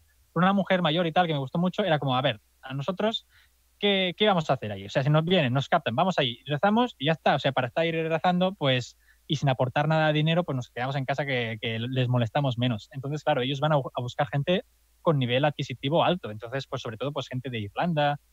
Y, realmente es lo mismo de siempre. Las sectas no solo atraen a gente inculta y tal, que mucha gente piensa esto. O sea, realmente no. Ahora tienen más salida a otro tipo de sectas, ¿no? Que son las sectas 2.0 y tal. Las sectas religiosas se han, se han pasado de moda, pero pero realmente la, gente que está en sectas no es gente tonta, la verdad. Entonces, y, la mayoría de gente, pues igual pues tiene una empresa y el 10% de esta persona, pues yo qué sé, la, primera persona que le dio a Clemente para comprar el terreno del Palmar y empezar a construir la basílica era una duquesa americana. Claro, No, era una duquesa. Sí. Y además también había una empresa americana de, no me acuerdo exactamente de qué, creo algo de tornillos igual, no, no me, una, o sea, una empresa americana muy importante en América, que multimillonaria, que también, no sé, los consiguieron, o sea, los en, los liaron y también daba una barbaridad de pasta a esta persona. Y fueron como durante muchos años eh, sus principales pues, inversores, por decirlo de algún modo. ¿La gente está gustando o qué? ¿O están ya...? Sí, sí, sí, claro, tenemos más de mil personas aquí en directo. Eh, por favor, baneada este spammer que no sé qué quiere el Javier Oliveira este, que no lo entiendo, pero bueno. Eh, que no será Javier Oliveira de verdad, claro, será otro spammer, pero, pero en general a la gente le está le está gustando mucho el directo, así que otro tema muy interesante, eh, que claro, a mí me toca de cerca porque claro, yo pensé, joder, ya sabes que yo, bueno, me, meto en todos los fregados y me hubiera encantado em, meterme en un fregado así como, como en el Palmar de Troya, pero claro, luego pienso, yo siendo mujer podría haber hecho lo mismo, porque claro, el tratamiento de hombres y mujeres es muy diferente en el Palmar y, como, joder, pues el papel, el papel de la mujer, sobre todo las religiosas, es totalmente testimonial y se dedican a rezar y poco más, no tienen contacto con el exterior. Yo creo, claro, eso creo yo por la relación que yo vi ahí que tenían los hombres con las mujeres, que siempre están separados, unos por la derecha, los otros por la izquierda, pero a la hora de tratar con mujeres siempre hay con, o sea, hay cierta condescendencia, ¿sabes? Un poco de... Entonces imagino que contigo hubieran pensado que era más fácil captarte, entonces, ¿sabes? No sé es la relación que tengo yo, igual no, ¿eh? igual te hubieran tratado de igual, igual, pero la, relación que yo vi ahí con hombres y mujeres era un poco de, bueno, es mujer, ¿sabes? Es bueno, claro. Eh, es que ahí las mujeres no tienen. a ver, ahora algunas. No, no, no, que va, que va. Estaba pensando. Bueno, no me acuerdo ahora ninguna anécdota. No, eso de la mujer esa que me vino en plan, ¿tú cómo te llamas? Yo, Pere, me llamo Pere, soy de Andorra. Porque claro, porque mi acento catalán no se disimula fácil. claro, eso te iba a decir. digo, no sospecharon en plan, este es un indepe que viene aquí a reventarnos por dentro. Claro, claro, no, yo, era súper facha y les dije, yo en ese mundo que ya está todo manipulado, los medios de comunicación solo querían, no sé, eh, a veces cuando me La dictadura progre, ¿no? Sí, sí, sí. Hostia, esto creo, creo que puse esa, o sea, esta frase literalmente, ahora me acuerdo. Hombre, esta frase me gusta mucho. Es clave, claro, es clave para, para integrarte. entonces yo no les dije que era de Barcelona, yo les dije que era de Andorra. Vale, mejor, mejor. Eh, claro, claro, mejor en plan. Andorra, ¿esto dónde está? Me dijo, esto está entre Francia y, España. yo, sí, sí, sí. Digo, ah, vale, el, principado, ¿no? Yo, sí, sí, sí. Y hostia, no sabía dónde estaba Andorra, imagínate. Ah, no, hay, hay otra cosa curiosa que tampoco no saber. Es que, claro, pasaron muchas cosas, no puede ponerlo todo en el reportaje. Em, en esas 200.000 horas de llamadas previas, me fueron comentando como, como sutilmente las normas. Y una cosa es como, bueno, tú miras mucho la tele y tal. Yo, bueno, no la miro mucho, pero, pero bueno, a veces, a veces sí, cuando estoy aburrido y tal. Y me dijo, eh, bueno, sobre todo porque nosotros creemos que esto pues te puede pervertir la mente y tal, es mejor no verla, o sea, si algún día tú quieres, sí, pero lo mejor es que no, no sé qué. Y yo, vale, vale, vale. Y le dije, bueno, ahora estaba pensando en ver Juego de Tronos. ¿Sabes si esto se puede ver? Porque me dijeron, hay algunas que se pueden ver y otras que no. Ah, tiene un Y me dijo, es de animal. ¿Eh? Sí, bueno, no, claro, yo pedí el listado, pero no tienen listado. Es como, y me como dijo, es- Flanders también tiene un listado de canales en Los Simpsons. Tenía Ah, pues, pues tal lo cual. mismo. Y me pregunta como, ¿es de animales? Y yo como, bueno, Juego de Tronos, ¿sabes qué es Juego de Tronos? Y yo, no, no, no, no me suena. Y yo, bueno, al- algún animal sale. O sea, animales no, no lo he visto todavía. No tengo constancia. Porque no lo he visto, pero me consta que un- algún animal sí. Me dice, bueno, si es un documental de animales, puedes verlo, pero si no, mejor no y tal.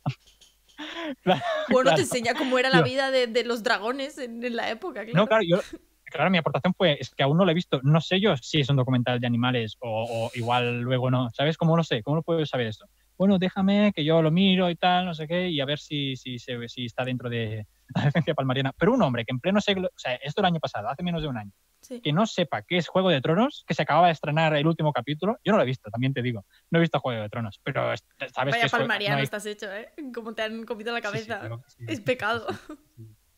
¿Tú has visto Juego de Tronos? Hombre, claro. Buah, es que ¿Y ojalá. te gustó? Claro, es brutal. estás con esta cosa de ojalá yo no lo hubiera visto porque así ahora podría volver a verla de hombre, nuevo. no, no Titanes, no, pero sí. pero que te digo que ojalá la señora. Era una señora la que iba a chequear si Juego de Tronos era. No, era era un hombre, un hombre. Un hombre. Ojo-. El padre Braulio era. Pues el padre Braulio, ojalá, ojalá hubiera visto una de las escenas de las primeras temporadas que hay unos, se montan unas orgías maravillosas. Yo me he visto cuatro capítulos y no me interesó demasiado, no lo entiendo, porque eso como lo tiene todo para gustarme. Pero sí, sí, lo que yo vi era, era porno medieval. ¿eh? Porno Sí, sí. medieval, pero, pero le da. A ver, a partir de qué capítulo está bien Juego de Tronos. Cada persona me dice tienes que aguantar uno más. Claro, aguanta hasta el visto 9 seis. o así de la primera. Hostia, hasta nueve, aguanta hasta nueve, que son nueve horas. Joder, Aguanta hasta nueve. Es una oportunidad porque es la me mejor, la mejor serie. Pero oye, que si te dicen los palmarianos que no que es pecado, al final, ¿qué te dijo? ¿Que era pecado o no esa serie? ¿Que se podía no, no, no hablamos más ya de ese tema. Ah, qué pena, No, no, joder. Me hubiera gustado Sí. saber su, su opinión. Sí, no sé si lo llegó a chequear o qué, porque ya fue como muy antes de ir. Ya, ya, ya. Entonces, no- Entonces, claro, eh, el tema de, claro, porque tú veías ahí a las religiosas y religiosos, porque claro, salen las monjas durante la misa, ¿no? Pero, joder, lo que yo he visto, las, los testimonios de ex monjas que están allí decían que es que, es que su, su vida era rezar todo el día, estar pues, en, pues, en la cocina y esas cosas, salir ahí, no, sé, no podían tener contacto con nadie, ni, ni siquiera con los otros curas, incluso se pasaban papelitos y esas cosas para comunicarse entre ellos y poder saber algo de, de- de otro tipo de personas. Era como. Eran un cero a la izquierda para la iglesia, no les sirve para nada, claro. Porque Claro, las sea, otras aún les sirven para procrear, las, las fieles, ¿no? Les sirven para tener hijos, pero las monjas ni eso. A ver, a mí una fiel lo que me comentó es realmente em, las monjas y los frailes, sobre todo tener algo, alguien dentro de la basílica, sirve a, la- a los que mandan en la iglesia palmariana para tratar de tener a todas las familias ahí como ancladas. Porque aunque la- los fieles estén fuera, siempre hay como un miembro de la familia que está dentro. Y saben que si se van, van a dejar de ver este miembro, a esta persona, aunque la vean 20 minutos. Creo que la pueden ver 40 minutos al año, como en, en cada fiesta, que son cuatro veces al año, 10 40. minutos. 40 minutos al año. Qué fuerte. Sí. Entonces, claro, y ahora la pregunta que hacías sobre las historias de monjas y tal, o sea, esto lo sé, lo que me han contado ex monjas y tal, porque realmente yo solo viví, digamos, ser fiel o conocer a fieles y tal. Monjas son mo- monjas de clausura que están ahí en la misa encerradas en, tras una reja. Claro, no las ves. Traté de buscar a ver si veía a alguien que podía identificar como familiar de alguien que conocía por decirle, mira, conozco a tu familia, pero no pasó. No, vi- no supe identificar a nadie. Pero Ostras. tampoco, tampoco se dio la oportunidad de yo poder hablar con... O sea, pasan, o sea, están en su reja, luego en la misa pasan por tu lado, vuelven a pasar, haces como una procesión, eso no te lo he dicho, es verdad. O sea, hay las misas, que es sentarte, pues Ujú. esto, como De rodillas subir, todo el bajar, tiempo, ¿no? Me dijiste. Sí, de rodillas, dijiste, luego dijiste, subes... Sí, sí. No, o sea, es de rodillas, luego hay un momento que te levantas, bueno, no sé, yo me levantaba cuando se levantaba todo el mundo y me arrodillaba cuando tocaba. Sentarse no. Pero luego hay un momento que se hace como una procesión. Y ahí con el sol, realmente, como todo muy tranquilo, con la musiquita de... Me, me aprendí el himno del Palmar también, ¿eh? ¿Cómo era? Ostras, nos lo tienes que cantar, vamos, aquí en directo. Madre del... ya no me acuerdo, ¿eh? A ver. ¿Qué, pres- ¿Qué presión? Ahora no me voy... Vale, da igual. Em, es que claro, al final cada día lo, lo mismo. Pero era como si ahí, como pues cada uno de un lado a otro, en, en hilera, pensando cada uno en sus cosas. Bueno, yo pensando en plan, bueno, espero que mi amigo esté bien. Es que yo lo que pasó el primer día es, me contaron que la misa, había 12 misas de 5 minutos. Y pensé, bueno, más o menos una hora por una hora y media. Entro a las 6 y le dije a mi amigo, si a las 7 y media no he salido, llama a la policía, porque, a ver, me han dicho una hora, media, una hora y A la media. policía No, que... dije- sí, me han le dijo dos horas y media. Sí, sí, porque era como, yo qué sé, daba un poco de mal al inicio. Esperamos dos horas y media, ¿vale? A las seis, siete y media, no salgo. Él ahí delante de la puerta esperando desde un arbusto, grabando y tal. Ocho y media, no, sé, siete y media, ocho y media, no salgo. Y al final, a las nueve, él estaba ya con el número, con el número de la policía esperando a- a- para llamar. En plan, bueno, pues ya llamaría porque me ha dicho una hora, estoy aquí, han pasado ya dos, el tío con el corazón a, a 100 que dije, tú ves grabando todo lo que puedas, que todo se va a utilizar. Si viene la policía y tú grábalo todo. La norma es que tú grabalo cualquier cosa. Y tengo 200.000 vídeos suyos de él hablando, como lo que sentía en aquel momento. Y es como un vídeo muy curioso realmente, porque es como él, su angustia a tiempo real. Porque como, lo mismo que me pasaba a mí, como no tenía nada que hacer, era como, bueno, pues me voy a grabar contando lo que siento. Pues estoy aquí esperando a Carlas, Han pasado estoy dos empezando a poner horas. nervioso. Claro, han pasado dos horas. Y al final, justamente, se ve que estaba como a punto de llamar a la policía y tal, que yo conseguí el móvil y me fui al baño em, para escribirle que en plan, estoy bien, estoy bien, pero que esto se está alargando, que al final... Claro, porque mi idea era un poco yo estar ahí a su bola y por la noche pues ir a cenar a- con mi amigo, desconectar y tal, pero es que realmente era imposible. O sea, realmente sí que era conseguí un día que fuimos a McDonald's, que yo le dije que, tenía que quedar con un amigo sí o sí, que no podía, que ¿Vio venía McDonald's en Palmar el y tal. Palmar? ¿En el pueblo? No, en- en- eh, espera, espera, te lo cuento todo. Es que fue muy agobiante. En Utrera. Espera. No, no sé si fue, era otro, era, bueno, cerca de un pueblo cercano. O sea, yo le dije, hay un amigo mío de Sevilla y tal, que no ha venido, o sea, es una persona que conozco de Sevilla, de compañero mío de la uni y tal, que le he comentado que venía en Sevilla y me gustaría quedar un día con él. Y su respuesta era como, no, hombre, no, en plan, aprovecha ahora que estás con nosotros, ya quedas con él más adelante, con él pu- puedes quedar siempre. Y yo, bueno, es que he quedado con él esta noche. No, no, es que esta noche vamos a un restaurante a comer y tal, y ya lo tenemos más o menos hablado, si puedes quedar con él mañana. Y yo, bueno, vale, no pasa nada, mañana. Eh, mañana, en plan, bueno, es que ahora vamos a. O sea, era como todo, además, al último segundo, ¿eh? Em, yo, paralelamente, estaba durmiendo con ellos, pero tenía un albergue reservado donde estaba mi amigo Oscar ahí durmiendo y yo también estaba pagando porque yo la idea era dormir con él por la noche. No Entonces, a las. Claro, la segunda noche le dije, bueno, es que hemos quedado al hostal tal. En plan, hemos quedado en este hostal porque es que quiere verme que él mañana se va, yo que sé, a cualquier sitio, no sé, pues a Berlín y mañana es el último día que podemos vernos. Vale, te acompaño al hotel. Entonces, cogimos el coche, me acompañó al hotel y se puso ahí. Y yo, claro, yo la gente, y, y él además va a la barra y dice, este chico está esperando a un amigo suyo, ¿qué quieres? ¿Una agua? Que es el vídeo este de, ¿qué quieres? ¿Cerveza? No sé qué. Y yo, una agua. Y me dice, ¿agua de qué? Yo, bueno, agua, agua, normal. agua. Sí, sí. Agua de Entonces vodka. me da- Claro, claro. Entonces me siento ahí con él y pensando, bueno, en plan, no, realmente no podía venir mi amigo porque a mi amigo lo habían pillado grabando el primer día, ¿vale?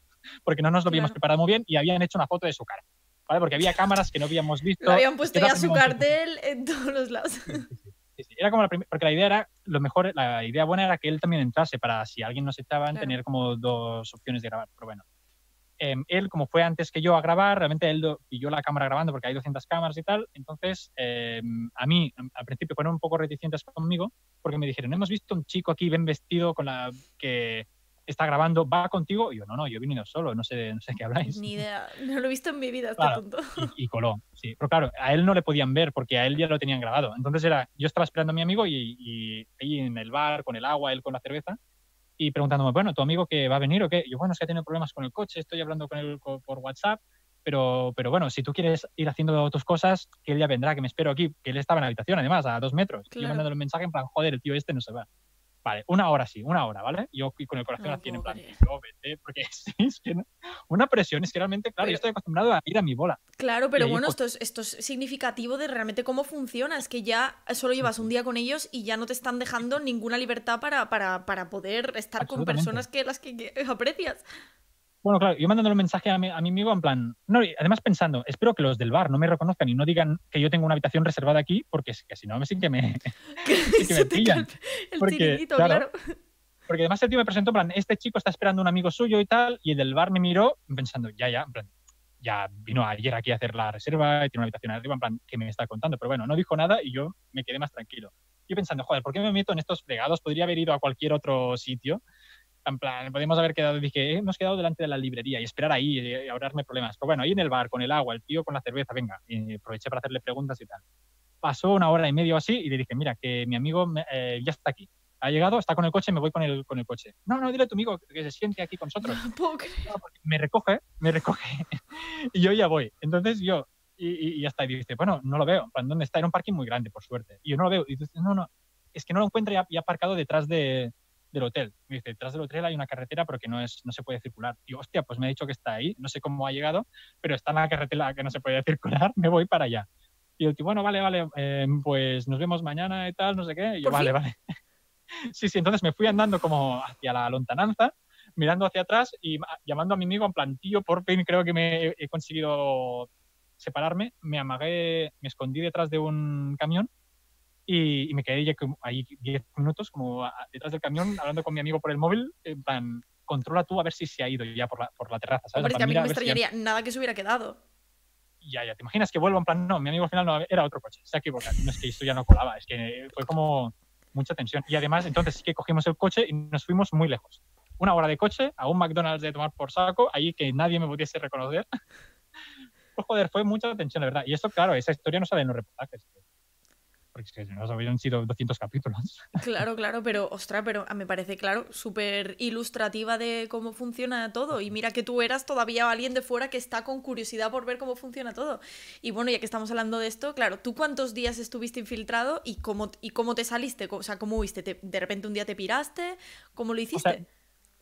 realmente salir no es el problema, porque o sea, yo incluso yo salí antes de lo que les había dicho a ellos que, que- que de- quería estar, porque realmente ya tenía como suficiente material, ya entrevistas y tal, y tenía que hacer la parte desde fuera, ir a entrevistar al alcalde, ir a entrevistar a gente del pueblo, em, hacer los planos de, o sea, había como muchas partes que tenía como yo el guion que me había hecho que tenía que grabar y todo lo de dentro, digamos que todas las preguntas que tenía ya las había hecho. Entonces salí antes.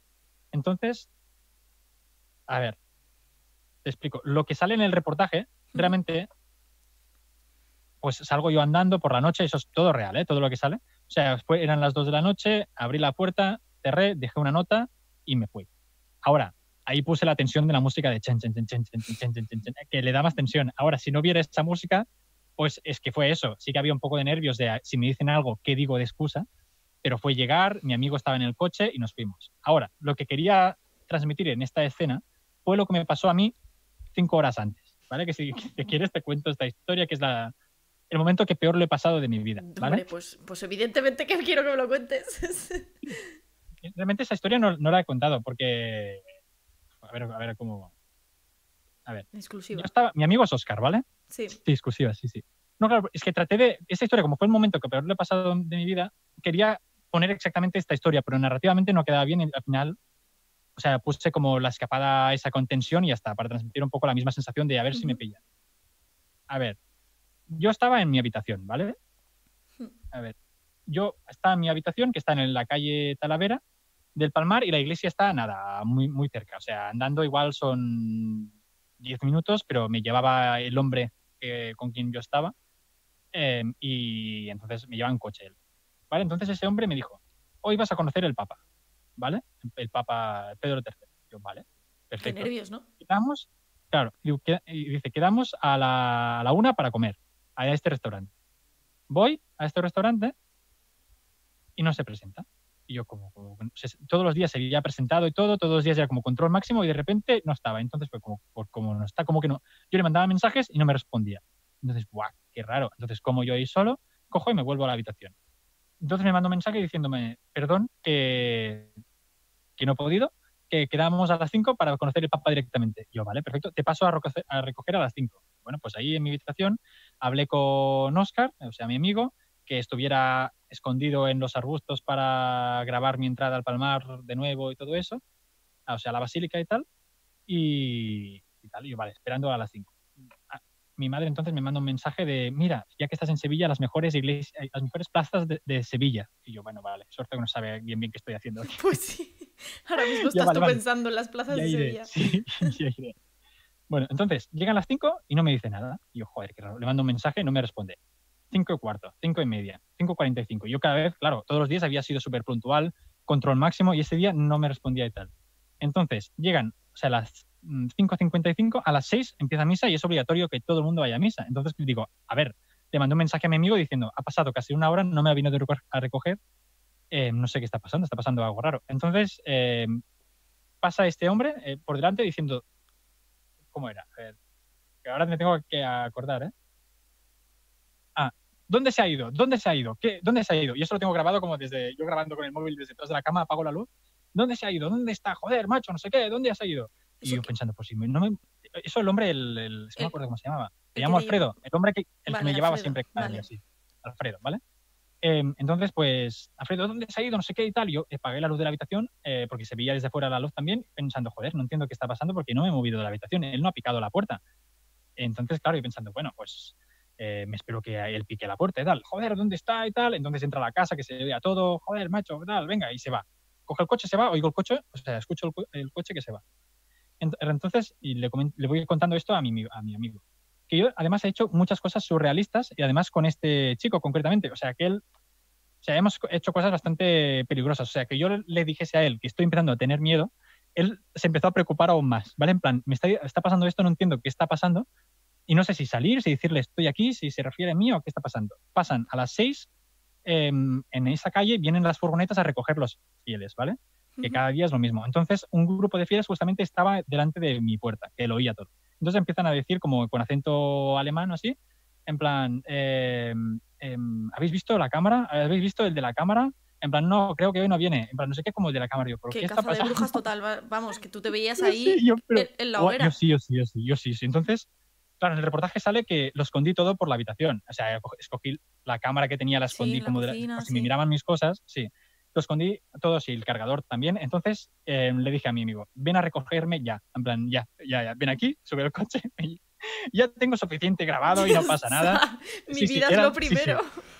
Sí, Estaba cagadísimo. Y claro, el chico ese, que, o sea, un poco sabemos los dos del pal que vamos y tal, era como, joder, joder, joder, vale, vale, pues ya voy, no sé qué. Pásame la ubicación. Le mando la ubicación y de los nervios le mandé ubicación, eso que pones WhatsApp, que no has, tardado, no has esperado lo suficiente y te, sale, te sale como 10 kilómetros la redonda. Sí pues pasó un poco esto, ¿vale? Pues estoy aquí, estoy en, Sevilla, ¿sabes? Andalucía. Vale, adivina. claro. Entonces, eso, en plan, ven ya, por favor, hago la, bolsa, o sea, la, bolsa que tenía, lo pongo todo dentro y lo cojo y me espero delante de la puerta, ¿vale? Ah, son las 6 y 5, que en teoría ya ha empezado la misa. Llego un coche que se para delante de mi, de mi habitación, o sea, del piso donde estaba yo. Yo, por favor, por favor, que sea, que sea él. Y, yo digo, Pere, vamos. Y yo me cago en la puta. Que era el, otro, ¿no? Era Alfredo. El otro, era Alfredo. Sí, sí, yo me cago en. Entonces, voy, voy, un momento que estoy en el baño. Entonces, vuelvo a dejarlo todo por la habitación, pero muy mal ya. O sea, si alguien hubiese entrado en ese momento en la habitación, me pilla seguro por la cámara tirado. Sí, sí, sí, la cámara, o sea, dejarlo todo un poco normal y tal. Entonces salgo como, pongo como el móvil a cargar, como siempre hago, como siempre hacía, y dijo, no, no, no, no me voy a liar. El móvil sin grabar, en el bolsillo, además que ni se me vea el móvil, y a ver qué pasa. Salgo, yo casi temblando, y subo al coche con él y me dice, em, ¿se te ve nervioso? Y yo, bueno, es que me habías dicho que íbamos a conocer el Papa, estoy como muy, estoy nervioso para conocer el Papa y tal. Y me dice, ah, bueno, es que al final hoy no ha podido y tal, pero será otro día. Y yo, vale, vale. Em, bueno, em, entonces llegamos a la basílica y me dice, el móvil, apágalo, que lo tienes que dar aquí al entrar, como siempre. Yo, sí, sí. Entonces le mando un mensaje a mi amigo. ah, no, claro, yo todo el trayecto en coche desde casa hasta la basílica rezando para no encontrarme con mi amigo. Porque imagínate que ahora nos vemos de cara al chico que tienen ya clichado, ¿sabes? Claro. que no me relaciono con él. Yo todo sudando. Pero tu amigo se estaría volviendo loco, ¿no? Eh, sí, sí, sí. No sabía nada, intentando buscarte. Sí, sí. Pues lo peor es eso, que yo le mando un mensaje, claro, no me daba tiempo de escribir un mensaje, si él me viera apagar el móvil, darlo y eh, ponerle ahí una nota de voz. Entonces le dije, em, estoy entrando. Apague el móvil y le dije, y se lo di. Y él no salía ahí hasta las 11 de la noche. Y el chico estaba en el coche, un coche alquilado además, eh, buscándome ahí por Sevilla, de repente le, llega el mensaje de estoy entrando. Y ya no, dijo, no, no, le conté nada más porque no tenía móvil hasta las 11 de la noche. Y ahora viene todo. Cuando yo estaba dentro del palmar, sudando, pensando, ¡buah, la que, la que sale En plan, la he cagado. De aquí no salgo ya más. Viendo las puertas cerrarse con el fluido ese de con, con, con, ¿vale? Pensando, madre mía, ¿dónde me he metido? En plan, pues temblando, realmente, ¿eh? temblando me pongo, en plan, bueno, es que pensaba que íbamos a conocer el Papa, estaba muy nervioso porque, claro, para mí es como un referente y tal, o sea, justificándolo de como podía. Claro, claro. Voy a mi sitio, me siento, me arrodillo y de repente veo como... Ah, no, y de repente veo en plan al Alfredo, comentando en plan a un hombre diciendo, joder, que, mm, por- eh, ¿dónde estabas? Que no hemos estado toda la tarde buscándote, que no te, me- no te veíamos, no sé qué y tal. Y se ve que es el- un familiar mayor que se ve que tenía Alzheimer o algo así y que estaban preocupadas por él porque se, vi- se había ido. Yo, hostia, vale, que no se referían... Porque decían No, el no de la cámara. No, espera, espera. Eran como momentos distintos. O sea, Ah, vale, fueron como vale. 10 minutos de diferencia. O sea, primero era él gritando mucho, ¿dónde está? ¿Dónde se ha metido? Joder, no sé qué y tal. Y dando golpes a la puerta y tal. Y yo, joder, y pensaba, y este no era yo, ese se referían a un chico, que, un hombre Vale. que vivía en la, en la casa también, en la casa de peregrinos, que, pues eso, que era un señor mayor, que tenía Alzheimer y tal. Y yo pensando, bueno, vale, falta lo de la cámara. Entonces estoy ahí rezando, temblando y tal, y de repente veo que justamente aquel día era el día que iba a hacer fotos un fotógrafo del Palmar, bien vestido y tal, y estaba diciendo fotos que son los de la web. Y yo, guau, me entró un ataque de risa ahí, pero madre mía, de los nervios, no sé qué me pasó. Sí, sí, y fue como... De pasar mía. a. Me van a colgar sí, en la. sí, sí, sí. en el palmar, voy a ser el próximo mártir. Ah, Sí, sí, no, nadie se dio cuenta de nada y tal. De repente, pues vamos, Pere, no sé qué y tal. Y entonces llegó la noche y le dije a mi amigo, veme, ahora sí, quedamos a las 2 de la noche, te paso la ubicación bien, eh, me vienes a buscar. Sí, porque en la calle de esa calle Utrera es una calle casi sin salida. O sea, tiene salida por una calle de arena y tal. Entonces, claro, realmente, si él entraba, tenía que llegar con el coche a las 2 de la noche por una calle que no pasa nadie y además dar la vuelta y volver a pasar era como demasiado que nos pillaban. Eh, entonces, preferí ir andando yo unos metros hasta llegar como a la calle principal e irnos en coche y a disfrutar de la vida. Entonces, lo que quise transmitir en esta escena final de tensión fue lo que yo había vivido unas horas antes. Porque realmente lo de irme, tensión, tensión ahí, Claro. fue, fue salir por la puerta. Tenía ciertos nervios. Claro. Les dejé 15 euros. Eso no es que me tenía, no sé, la cosa esa de que me, me sentí, ¿ves? Eso no lo había hablado con ningún psicólogo todavía. El sentimiento de deuda ese lo tenía, porque realmente llevaba unos días que me habían invitado a todo Claro. que estaba durmiendo ellos, con ellos de gratis, que, que comida gratis y tal. Es, porque realmente me sentí como, joder, macho, he estado aquí unos días con ellos, les dejo 15 euros como por agradecimiento, porque sé que realmente ellos son majos, ¿sabes? Claro. claro, luego les di el dinero y pensé, este dinero no va a ir a ellos. Claro. Este dinero, yo, ¿Va a aunque hubiera va? dejado 100, I- igualmente, claro, piensas que esto te lo están haciendo para que tú te sientas de esa manera en deuda y entonces poco a poco. O sea, esto lo sé ahora. En aquel momento, claro, yo, imagínate yo que iba al Palmar al inicio pensando que esto era una religión minoritaria, ¿sabes? O sea, que, no, que las sectas en sí no existen. Claro, O sea, claro, yo realmente claro. no, la psicología no, aún no, la, no había entrado, digamos. Pero bueno, eh, me he puesto nervioso otra vez, ¿eh? Hacía tiempo que no lo recordaba. Recordando ese momento de tensión. ha sido el peor momento de mi vida, realmente. Hombre, hombre, de- en cuanto a tensión, claro, en plan, claro, la, la- la incertidumbre de qué van a hacer conmigo, qué me van a hacer, claro. Hombre, no, y además no saber qué está pasando. después, visto cómo se las gastan, ¿eh? Las palizas que se metieron ahí por asaltar el palmar. Claro, yo en ningún momento temía de que me... O sea, yo creo que no... Si me llegan a pillar... mm, Todo el rato, todo- todos los días estaba pensando en eso. Si me pillan, ¿qué? O sea, no quiero pensar la gente que se infiltra en las mafias. No quiero pensar Uf. cómo viven. Porque era ¿Cómo como, yo eso no puedo. Claro. Claro. Pero, pero yo, si me, todo, y lo de cuando estaba en casa por la mañana lo debatía con mi amigo, en plan, si me pillan, ¿qué puede pasar? No creo que me peguen, no creo que me maten, no creo que me encerren, no creo que pase nada de eso. Como mucho, van a coger el móvil y se lo van a quedar. Exacto. Por eso yo todo el día lo que hacía era que todo lo que grababa me lo iba mandando con megas, o sea, tenía como muchos megas que me compré, a la nube. Entonces, digo, si me pillan, pues justamente voy a perder lo Claro. de las últimas horas. tal. Pero realmente no me, al final no me pillaron y no creo que... no sé, si alguien quiere probar de entrar y, y que le pillen por saber a ver qué pasa, Yo no me o sea, yo, yo querría entrar, lo que pasa es que ahora ya que estoy dando la cara diciéndolo en alto, pues seguramente alguno me fichará y no poder entrar, pero, pero a mí y me encantaría. Miran todo, ¿eh? Pero Miran todo lo que hay en redes. Pero si quieres ¿no? ir en, en Semana Santa, eso podría hacerlo. yo, El próximo Semana Santa sí lo Pues podría hacer. ¿Tú vas a ir? yo no me dejan entrar ya. Yo me conocen no. ahí. Ya porque el conocen. segurata también lo conozco. Que sabes un momento del reportaje que yo pienso, es que también lo pasé mal porque hubo un momento que yo los pillé en una, una llamada previa al Palmar que decían Carlos. Yo, yo en teoría, según ellos, me llamaba Pere y un momento dicen, no sé qué, Carlos. Y pensando, coño, yo me llamo Carlos. ¿Sabes cómo saben que me llamo Carla? Además no se oía bien lo que decía esa frase. Yo, ¿cómo saben? ¿Cómo me han pillado? No me han podido pillar porque to- lo, todo lo miré mucho y tal. Y resulta que hablaban del segurata que se llamaba Carlos. Entonces yo estaba todo el día pensando que me, ya iba al Palmar pensando que ya me habían Paranoico pillado. total, es que claro. es que paranoico. Yo soy el Claro. primer paranoico. Hombre, te hombre, es que no- es normal que te vuelvas paranoico. Además, tú estás ahí de rodillas rezando, fingiendo ser un fiel más y, y por dentro estás pensando, ¿qué hago aquí, no? ¿No te lo planteabas bastante? ¿Qué Ya, hago ya, aquí? ya. Yo quería ponerme, cuando voy a una iglesia, yo siempre lo que hago, me pongo a última fila por no molestar a los creyentes reales y me pongo al final porque sí también puedo observar, pues mirar Ujú. pues, la, la arquitectura de la iglesia en concreto Ujú. o qué hace la gente, que eso me gusta y tal. Y ahí llegué y me puse a última fila. Entonces, y, mm, uno me vino y aquí no puedes estar, tienes que ir más cerca porque es más respeto y tal. Y claro, me pusieron casi a cuarta, tercera fila. Y no veía yo todo lo de detrás. Y eso también daba un poco de ansiedad, Claro. pensando ver... Todo lo que tienes en tu cogote. Claro, claro, claro. claro, por Yo supuesto. a veces hacía como, a ver, oye, qué, qué bonito la... la- Qué, qué qué precioso bonita todo. el Oye, ¿y no te pillaban si no te sabías ni el Padre Nuestro al principio? ¿Qué hacías? Bueno, no, yo les balbucear, ¿no? Como todo yo- Cristo. Sí, yo no, pero yo les dije que yo no era una familia cristiana. Claro, yo Ah, me inventé vale, una vale, excusa vale, ya que fuera acorde con... Sí, sí, yo les dije que mi familia realmente no... O sea, yo les dije que realmente lo que estaba más de acuerdo con ellos era eso de, de la dictadura progre, que todos los medios están manipulados, que ya no te puedes creer nada y cosas así. El papelón. fue... El ¿Quieres, papelón ¿quieres de que te lea el correo? ¿El primer correo que les enviaste?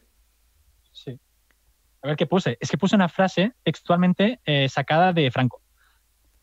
Esa es otra, vale. Mientras lo buscas, cuéntanos, porque claro, Franco, Clemente en los Hostia, años no, no 70, lo hemos contado. claro, eh, para que no digáis que aquí hablamos de, joder, de, de- de fascismo y de todo eso así a la ligera, no, no, es que realmente ellos han pontificado a Franco, Clemente era gran Sí, fan, Es, es santo. es santo, Es fan- ¿no? Era fan de Franco, sí, sí. Era muy fan. Y de hecho, em, con el que tú estabas, llamémosle Alfredo, te, em, te decía que, claro, que Franco había salvado España de los comunistas, que si no, ahora sería. Si no, España estaría en ruinas si no nos hubiera salvado Franco. Sí, sí, dijo muchas perlas. ¿eh? También me habló de Vox, pero hace un año Vox no estaba tan de moda. Entonces no, no pregunté tanto sobre Vox. Ahora sería guay. Claro. Un vídeo de un palmariano hablando sobre Vox. A pero me ver, dijo que a lo mejor visto el que- nivel, para ellos Vox también es comunista, yo qué sé, yo ya. No, no, no, no, no, que va, que ¿No? va. Dice, se habla mucho de eso de extrema derecha y tal. Realmente no es ni extrema ni de derecha, no sé qué. Solo hablamos de libertades. Tal. Era como, vale, vale. ¡Libertades vosotros! Hablando de libertades. la, la ironía. Qué maravilla. No, claro, y como ya sabía, porque es como lo más famoso del Palmar, es que tienen ah, santificado a Franco, Carrero Blanco. ¿A Carrero Blanco entonces- también? Sí, Hombre, Carrero claro, claro, Blanco sí que está en los cielos. o sea. Sí, sí, él directamente con, con del la suelo al cielo. Madre del Palmar coro- coronada. A ver. Espera, Claro, es que. El correo, Sí, no, el correo que, el, que puse el, el asunto era saludos, porque te- también quería hacer parecer que era alguien que no utilizaba mucho internet. vale. no sabía utilizar mucho los correos, o sea, asuntos, saludos. Bueno. Buenos días, me llamo Pera y actualmente vivo en George, un pueblecito al norte de Andorra a tocar de Francia. ¿Vale? Vale, Pues que es bien. un pueblo que se llama George, en Andorra. Bueno. Os escribo porque hace tiempo que me siento fuera de lugar, como que no encajo en esta sociedad que vive sin motivos ni fe. Y buscando por internet os encontré y llevo meses cautivado. Me he visto repetidas veces todos los vídeos que tenéis en YouTube de las misas y tengo curiosidad para, para saber más de vosotros. He leído también noticias que no os dejan muy bien, pero de medios progres, entre comillas, y ah, no, de medios progres y sensacionalistas. Pero por esta razón me gustaría que me lo contarais vosotros y sobre todo, qué tendría que hacer para unirme a vosotros si es, si es que es posible y si tendría que dejar Andorra para venir a Palmar y qué implicaría esto. Estoy a la espera de vuestra respuesta. Muchas gracias por vuestra atención. Espera. Ah, no, aquí no he puesto la frase del Palmar. Espera, ah, la frase de Franco. Que fue eso ya en el segundo, ¿no? Dijiste, vamos a hacer uno más suave y después ya metemos a Franco y ya les conquisto. me respondieron y tal. Entonces yo, ah, bueno, me pidieron, me pasaron muchos documentos, esto de, pues, mucho, léete muchas, muchos documentos de muchas páginas, léete todo esto y tal. Bueno, Ame María Purísima, que es el saludo, ¿vale? Ame María Purísima, y tú dices, sin pecado concebida. Buenos días, gracias por escribirnos. Quisiéramos que nos manda una dirección y teléfono para poder contactar con usted si así lo desea. En primer lugar, para conocer, bueno, es que es spam todo. eh. Aquí tiene la web, eh, léase las normas de ciencia palmariana. La base de una vida cristiana siempre ha sido y siempre será oración y penitencia. Es algo que todo el mundo puede hacer y debe hacer recordando a las palabras del Señor. Si no hicierais penitencia, todos pereceríais de la misma manera. Bueno. Entonces yo les respondí, pues eso, gracias, aquí tienes el correo y tal. Ahora mismo me estoy leyendo todos los documentos con suma atención. Gracias por vuestra firme confianza. O sea, el, el vocabulario tiene que ser acorde con el facherío. Siempre tiene como así, muy Claro, grandilocuencia. Claro. referente a poder venir a la iglesia para apreciarla en todo su esplendor, sería un honor. Tengo pocos días de, fie- de fiesta en julio. ¿Podría hacerme saber su disponibilidad la próxima ah, semana del mes? Como bien dices, el único faro en este mundo negro sin moral es la oración, y penitencia. Así debe ser y así seguiré. Estábamos al borde del abismo, pero hemos dado un paso hacia adelante. Muchas gracias por vuestra amabili- amabilidad. Un cordial saludo, Pera. O sea, esta frase se estábamos al borde del abismo, pero hemos dado un paso hacia adelante, es de Franco. O sea, tú buscas frases célebres de Franco y sale esta. Estuvimos como un rato a ver cómo colamos una frase de Franco para hacer la broma. Pero luego tenía tanta información que no pude poner la broma en el reportaje, pero ahí la colamos. Pero es buenísimo, es claro. es Sutil, pero ya, claro, ya cala, ¿sabes? Es que, Claro, claro, este, lo tienen aquí. por supuesto, joder, qué maravilloso, por Dios. Y, y así para ir cerrando, que llevamos ya una hora 40 minutos, aunque, joder, la verdad que está súper entretenido. em, que, claro, ¿qué pasó cuando, cuando te fuiste? ¿Te volvieron a contactar? ¿Te han difamado públicamente? ¿Te han dicho algo? ¿Cómo lo has podido llevar bien o, o cómo? Yo cuando me fui, eh, o sea, me fui y tal, entonces, después de toda la tensión, el día siguiente eh, nos lo tomamos como de descanso, o sea, no fuimos a grabar a, en Utrera ni nada y también eh, así nos ahorrábamos que nos vieran grabando por, por el, por el Palmar de Troya, porque y si íbamos a entrevistar a gente, seguramente nos encontraríamos a alguien que me reconociera a mí, que los había conocido a casi todos, o que reconociera a Oscar, si era alguien de los que había visto la grabación de vídeo y tal. Eh, entonces nos tomamos un día de descanso, fuimos a la piscina de dos pueblos más allá y tal, a de- descansar, y fue como un, un día muy guay, la verdad. Eso, de piscina de verano, porque era verano, que hacía mucha calor, manga corta, bañador, lo normal. Por favor, ¿vale? disfrutad. Piscina. Entonces, sí, entonces aquel día sí que yo llamé a Padre Braulio, que él no estaba en el Palmar, o sea, él, al ser misionero, estaba pues dando vueltas por el mundo. Me llamó varias veces. eh, eh, Ah, no, es que... ta- ah, Pero ¿cómo fue, eh? Ah, no, me llamó el Padre Braulio em, preguntando, o sea, yo y Alfredo ya no supe nada más de él, y me llamó Padre Braulio, en plan, hola, que me han comentado que, que te has ido. Eh, yo, sí, bueno, es que no estaba muy de acuerdo con muchas cosas y tal, bueno, lo que sale en el vídeo. Le comentó un poco las cosas que no estaba yo de acuerdo. Eh, entonces, eh, nada, un poco para saber su opinión. Entonces él insistía como un poco en plan, bueno, pero nosotros eh, estamos la verdad, bueno, pero nosotros, o sea, yo creo que aún tenía como esperanzas de que yo pudiera recapacitar o que pudieras seguir hablando conmigo, comiéndome el coco y en un futuro volver dentro, ¿vale? Entonces seguía como un poco dando, o sea, hablando conmigo, me llamaba, me llamó varias veces. Pero claro, pasado al día siguiente del día de la piscina, fuimos al Palmar de Troya y empezamos a grabar. Entonces ya todo el pueblo, que es un pueblecito pequeñito y todo el mundo ahí, lo que sabe una persona lo sabe todo el mundo, el Claro. típico pueblecito de, Claro, de claro. España, pues a, la- a los dos segundos todo el mundo sabía que había ahí unos periodistas grabando un reportaje, ¿vale? Y entonces, por ejemplo, llevábamos ahí un par de horas, vamos a entrevistar a alguien en plan, hostia, sí, ya me han comentado que había aquí unos periodistas y tal. Y era como, ¿cómo? ¿Cómo, ¿Cómo te han comentado que íbamos aquí unos periodistas? Madre mía, cómo corre la información. Fuimos a hablar con el alcalde eh, y nos dijo, bueno, vosotros eh, sois de, de, de- de Netflix o de Movistar. O sea, primero dijo Netflix, nosotros no, no. Netflix, ya no, nos ¿por qué?". gustaría, ¿no? Sí, sí, en plan, bueno, ojalá. En plan, no, vosotros sois unos, unos infiltrados de, de Netflix. En plan, no podéis mentir. Nosotros, no, no, en serio, somos para YouTube. O sea, que no. YouTube, Que para fuera mundos del. YouTube. Pues claro. Porque me- paralelamente estaban haciendo los de Movistar, su serie, que no lo sabíamos. Y creo que habían Claro, por la misma época, claro. Sí, y además luego fuimos a hablar, no sé si él me dijo Movistar o Netflix, pero luego otra persona del pueblo que tiene relación con la iglesia y tal me dijo que si éramos de, de Movistar o de Netflix. O sea, no sabíamos exactamente cuál de las dos eh, compañías lo estaba haciendo. Y era como, no, no, en, todo el mundo, nosotros en serio no tenemos nada que ver con Movistar. En plan, sí, sí, sois infiltrados de Movistar. Y nosotros, ¿por qué lo vamos a hacer? ¿Por qué Movistar va a mandar a dos niños aquí a grabar con, con- que no tiene sentido. Pero bueno, al final todo el mundo. Y entonces sí que me encontré con Alfredo, que aquí es el momento también de. De tensión, ¿no? Claro, a mí me. O sea, me vio Alfredo. O sea, claro, yo al final teníamos poco tiempo y nos teníamos que dividir el trabajo. Entonces yo hacía como más lo de hablar con gente que no tuviera relación con el Palmar y Oscar hacía lo de tener relación directa con el Palmar. O sea, los que salen al inicio, sobre todo, de cómo es la relación conmigo, que conmigo es súper cordial, al principio del reportaje me refiero, pero luego la relación con gente de fuera es bastante tensa, digamos, que es lo que sale el reportaje de Sí. fuera aquí, sinvergüenza, eh, no sé. Para un poco que se viera como el contraste. Entonces, Claro. Oscar estaba recibiendo ahí bronca, que una mujer le intentó coger la cámara, pero esto no quedó grabado. Se Vino aquí la mujer en plan, ¡dame la cámara! Ostras, Sí, ¿eh? en plan, ¿por qué no lo has grabado eso? Pero bueno, Qué tensión. Porque justo al cogerlo creo que se paró de grabar o no sé qué pasó. Pero bueno, entonces yo paralelamente estaba grabando cosas, ¿vale? Entonces, mientras él estaba grabando los fieles, cómo iban hacia el palmar, hacia la iglesia, yo tenía que estar escondido delante de la iglesia para grabar la entrada de los fieles con esa cámara, con la cámara buena, ¿vale? Porque de momento lo teníamos grabado con la cámara cutre, con esa, y entonces mejor calidad. ¿Y que te encontraste a Alfredo? ¿O qué? Claro, yo me escondí en el arbusto, pero yo no sabía que, que muchos coches de palmarianos pasaban por esta carretera donde yo estaba escondida. Hay la carretera normal, hay una carretera de arena y un arbusto. Yo estaba ahí dentro del arbusto que por delante no me veían, por, por detrás sí. Entonces, pasa un coche por detrás, yo me giro así con la cámara, así con la cara miro Pillada. y veo a Alfredo, la típica Sí, pillada de, pillada. pero a un metro de distancia, ¿eh? Y yo, ups. ¡Ey, qué tal! Entonces- Pasaba por aquí. Sí, por él, o sea, él paró porque era como, o sea, la carretera de, de arena hace así, ¿vale? Así. Sé que está la carretera normal, aquí está el palmar, carretera normal, carretera de- de arena, hace así y luego cruza, ¿vale? Tienes que aquí esperar. Él se paró, yo le vi y él no me vio. Entonces él empezó a, a moverse hacia adelante y entonces me vio. Entonces pasó la carretera. Cuando yo me había visto, yo como, guau, me voy, Oscar, me voy, me han visto. Entonces el chico dio la vuelta y es como que me empezó como a, a perseguir. Yo entro al coche, subo y el tío detrás mío persiguiéndome. Y yo, ¡walda! Una es que era como de película, en serio.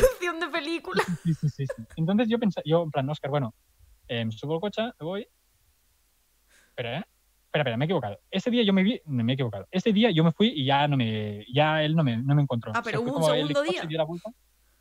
Claro, yo sé, claro, aquel día no había podido grabar nada.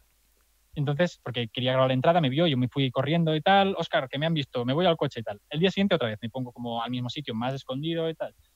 Eh, entonces, ah, no, día lo estaba haciendo Oscar. Oscar se pone en el mismo sitio, en tratar de grabar los fieles, cómo entran, a cámara lenta y tal. Entonces eh, veo el mismo coche. Entonces el mismo coche se pone detrás mío, y yo estaba dentro del coche esperando por si había algún problema que Oscar entrase y nos íbamos en el coche, y yo estaba ahí esperando, ¿vale? Entonces estoy en el coche esperando y hay un coche, una furgoneta que empieza a pitar, pip, pip, pip, pip, y yo pensando, haciendo así, como, pasa, pasa, ¿sabes? ¿Has visto El Diablo sobre ruedas? Sí. Que hay el camión ese grande que se pone detrás, es pasa, pasa, y el camión no, se, no, se- no, no tiene interés en pasar. Vale, Solo vale, quiere claro, pitar. claro. muevas. Pues yo, "Pa- pasa, coño, que tienes espacio, pasa, pasa. En tal, pip, pip, pip, pip, y yo, "Pues que pases. Entonces me giro y veo que estaba coño. Joaquín.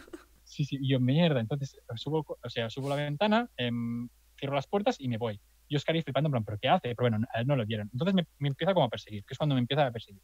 Que más en aquel momento estaba haciendo videollamada y era como, bueno, pues la persona, ¿pero qué haces? Y yo, bueno, bueno, aquí te quedas, que me están, Que me están está persiguiendo. coche viniendo. Sí, sí, sí. Madre mía. Eh, entonces, yo creo que lo que quería saber era confirmar si realmente era yo o no, porque me empezó como a seguir y tal, em- yo empecé a tirar hacia el pueblo en plan, bueno, ya parará, pero tampoco no era una persecución de...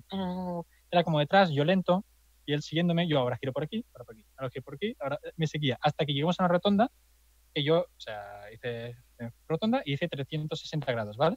Y entonces hubo un momento de, de que yo volvía y él llegaba, y nos, nos vimos, hubo, hubo contacto visual, muy Vale. claro de que sí que había constatado que era yo, claro. Y, yo, y entonces aquí me dejó de seguir. Yo creo que estaba mirando si era yo o no. Entonces, el último contacto que tuve con él le era un rompió día su corazón, estaba- definitivamente. Me era para, para contestarlo, sí, contra, contra- o sea, constatar si era yo o no. Y el tercer y último contacto con él fue un día que yo estaba grabando unos. Bueno, yo estaba escondido delante de otro, otra vez, en un árbol distinto y tal, grabando unos planos del Palmar. eh, el típico plano este que se ve como la iglesia del Palmar con el cartelito que pone el Palmar de Troya prohibido, ¿sabes? La Ujú. típica foto que ponen todos Sí. del Palmar. Yo estaba en- en ese mismo sitio. Y vinieron todos de niños, ¿vale? De niños del Palmar. ¿A qué estás haciendo? ¿Estás haciendo un reportaje para un canal de YouTube? Ah, yo te voy a seguir, jajaja. Porque no tenía, no tenía seguidores en aquel momento. Ah, pringado, no tienes seguidores. Bueno, bullying, ¿vale? Y en plan, niños, bueno, dejad de molestar. es que te, te estamos tratando de pasar desapercibidos. No, jo, jo, alguno me ha escrito ahora en plan, joder, tío, ya nos podrías haber dicho que estabas haciendo esto. Los yo- niños del Palmar. Sí, algunos niños de esos, no, no eran palmarianos. Ah, vale, eran vale, vale, del pueblo. sí, Vale, sí, vale, sí. vale, porque digo, Ah, jolín, este ¿cómo de aquí sabía lo que era YouTube y todo esto? Claro, los niños del No, Palmar no, deben claro, eran niños, si, si eran niños, niños de 14 años, vale. Están 13, 9, sí. Entonces, alguno me ha escrito ahora en plan, hey, yo soy uno de los niños aquellos, ¿te acuerdas de mí y tal? Que ya nos podrías haber dicho que estabas haciendo, qué guay, y yo, vale, vale. Pero bueno, entonces Oscar se dedicó a hacerles fotos para distraerlos. En plan, vale, pues posad aquí y os hago una foto, ¿vale? En plan, vale, así estáis calladitos un rato y no llevamos, sí, no llevamos mucho la atención. Entonces, eh, oigo un coche que empieza como a pitar, desde lejos. Yo pensando, digo, bueno, no irá, o sea, porque tiene que ir para nosotros. Acabo de 200 pip, pip, pip, me giro y estaba el coche de, de Alfredo aparcado como a 200 metros al otro lado de la calle, pitando, pip, pip, pip. Entonces yo cojo esta cámara como para tratar de ver si era él ahí con el pedazo zoom ahí cercando, en plan, a ver si es él, él pitando. Y yo, vale, vale, sí, sí que es él. En plan, bueno, Oscar, hasta aquí hemos llegado, yo me iría. Oh, pues sí, porque ya dos cosas- seguidas. Sí, sí, sí, ya está. No, sí. no pues fueron días distintos, ¿eh? Eh, Hombre, ya, ya, ya, pero evidentemente Ahora, Alfredo digamos. no se iba a olvidar de ti. Le habías dejado una No, huella no. en su corazón. Sí, sí, sí. Y entonces ya está. Fueron como, después del, digamos, lo del Palmar, fueron los tres momentos tensos. Y después has vuelto a tu vida. de- ¿E- de- ¿Echas de sí, menos la iglesia? ¿Te has replanteado volver a entrar? A mí me gusta. No, no, eh, volver a entrar no puedo. Pero. Pero entrar de verdad, joder. o sea, A conocer la verdad. es que realmente es que es- estaba muy tranquilo ahí. Entonces, era como, claro, no tenía móvil. Pero si tenías ya casadera y todo. Era bonito. Si ya tenías ahí una Claro, moza claro. Para casarte, ya lo tenías Claro. todo solucionado en la vida. Claro, claro, eso sí, sí, todo solucionado. Pero, pero estaba muy bien, ¿eh? Además, el piso donde estaba era muy guay. O sea, se estaba bien en- como desconectado de la vida, como un parón en la vida. Como un Porque retiro espiritual, es, claro. es como, es que, claro, sí, es que como apóstol del Palmar no me gana nadie, ¿eh? A vuestra salud. Totalmente. Oh, sí, sí. No, la- y yo cuando me fui el último día pensé esto de, joder, me da pena porque realmente ya no voy a poder, eso que sabes cuando no vas a poder hacer algo, te da pena. Es como, joder, nunca más voy a poder pasar estos muros. Pensé este fue como, qué pena, realidad me da igual, tampoco pasa nada. Hay muchos sitios como para ir y tal, que tampoco no.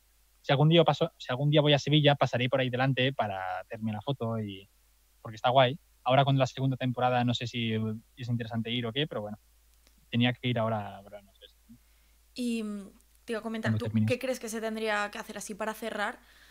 ¿Qué crees que se tendría que hacer? Porque claro, ahora mismo la situación, o sea, está reconocido, ¿no? Como iglesia el, el Palmar, sí que es una escisión de la iglesia católica, pero no está catalogado como secta. ¿Qué crees que tendríamos que hacer? Porque claro, tenemos una ley de sectas en España y en general en Europa, ¿no? Muy laxa. Y claro, se permiten cierto tipo de coerciones, como vemos. Y es que solo hay que mirar el, el- catecismo para saber que es evidente que se está co- coaccionando a la gente para que deje sus bienes, para que se aísle sus familiares. Y esto es algo que se debería, en teoría, poder perseguir. ¿Cómo lo hacemos? ¿Se puede? Yo, a ver, yo sé la opinión que tienen los especialistas en sectas, que lo he hablado ahora recientemente muchas veces con ellos, y ellos pues abogan por eso, para, sea, una ley antisectas que sea mucho más efectiva, que haya pues, que realmente aunque una persona te, dea- te diga, yo estoy bien aquí dentro, me quiero quedar aquí dentro, si realmente tú ves que hay, hay manipulación, porque hay formas de verlo, pues que puedas sacar a esta persona de ahí, ni que sea un periodo corto de tiempo para ver si hay alguna mejora y de luego con esta mejora, con- o sea, cambia de opinión. Porque hay, fa- hay familiares de, de- de- o sea, hay familiares que tienen su hermana o familiar en el Palmar de Troya que realmente les gustaría poder hablar con ella porque no pueden.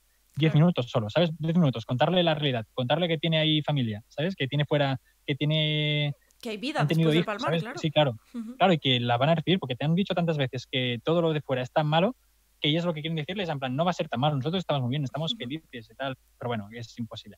Pero entonces yo creo que esa oportunidad se, se tendría que dar. Pero bueno, mm, no sé, o sea, eso es, aún no soy experto en es ya complicado. cuando cuando lleve a muchas sectas. Sí, no sé, es que realmente, claro, cuando sea ya experto, ya me había metido en 10 sectas, a la próxima yo también quiero. Yo sabes que yo me meto en todos los fregados. A la próxima, por favor, hazme partícipe. pues ya te diré porque tengo cosas preparadas, pero pero ya te lo digo otro día. Sí, no sí, sí. ahora, No, no, pero- que no lo vamos a hacer público, que si no se, se chafa. bueno, No, ya, te diré, ya porque- te diré por privado dónde estoy pensando infiltrarme yo, pero ya te lo, ya te lo diré. Pasa que yo es un poco difícil infiltrarme en algún lado, pero bueno, lo puedo intentar. Pero claro, es complicado. Luego Claro, te lo bueno, digo. y- vale. Pero iba a decir algo, otra cosa, no me acuerdo. Bueno, ya, no sé, ha sido, ha sido interesante porque Muy interesante, ¿no? Yo creo que he ido leyendo las preguntas que tenían, te las he ido más o menos haciendo todas las preguntas y yo creo que, Jolín, pues ha quedado claro básicamente que, que el Palmar es una secta, que tiene, to- vamos, que tiene todas las características básicas de una secta y que... Ah, no, sí, lo que iba a decir era que realmente ellos, o sea, para la única norma que les pusieron para poderse inscribir eh, como organización religiosa fue que no utilizasen el nombre de Papa y Santo y cosas así. Esto fue la única norma que les pusieron. Y se. Entonces, digamos, no, no, no, porque oficialmente no es Papa. ah, Ellos vale, se dicen Papa, no, pero oficialmente no es. Claro. Claro, claro, pero eso es extraoficial y Vale, santos, vale. realmente no es santo. Oficialmente no es santo. Porque ellos dicen que lo oficial es lo suyo y tal, pero para ser legalmente una organización religiosa, pero sí. Y, y ya está, no sé. Es que realmente también creo que si realmente si se prohíben las sectas, o sea, toda esta gente, ¿dónde va? Yo eso alguna vez lo he pensado. Esta gente ahora se prohíbe el Palmar de Troya y tal.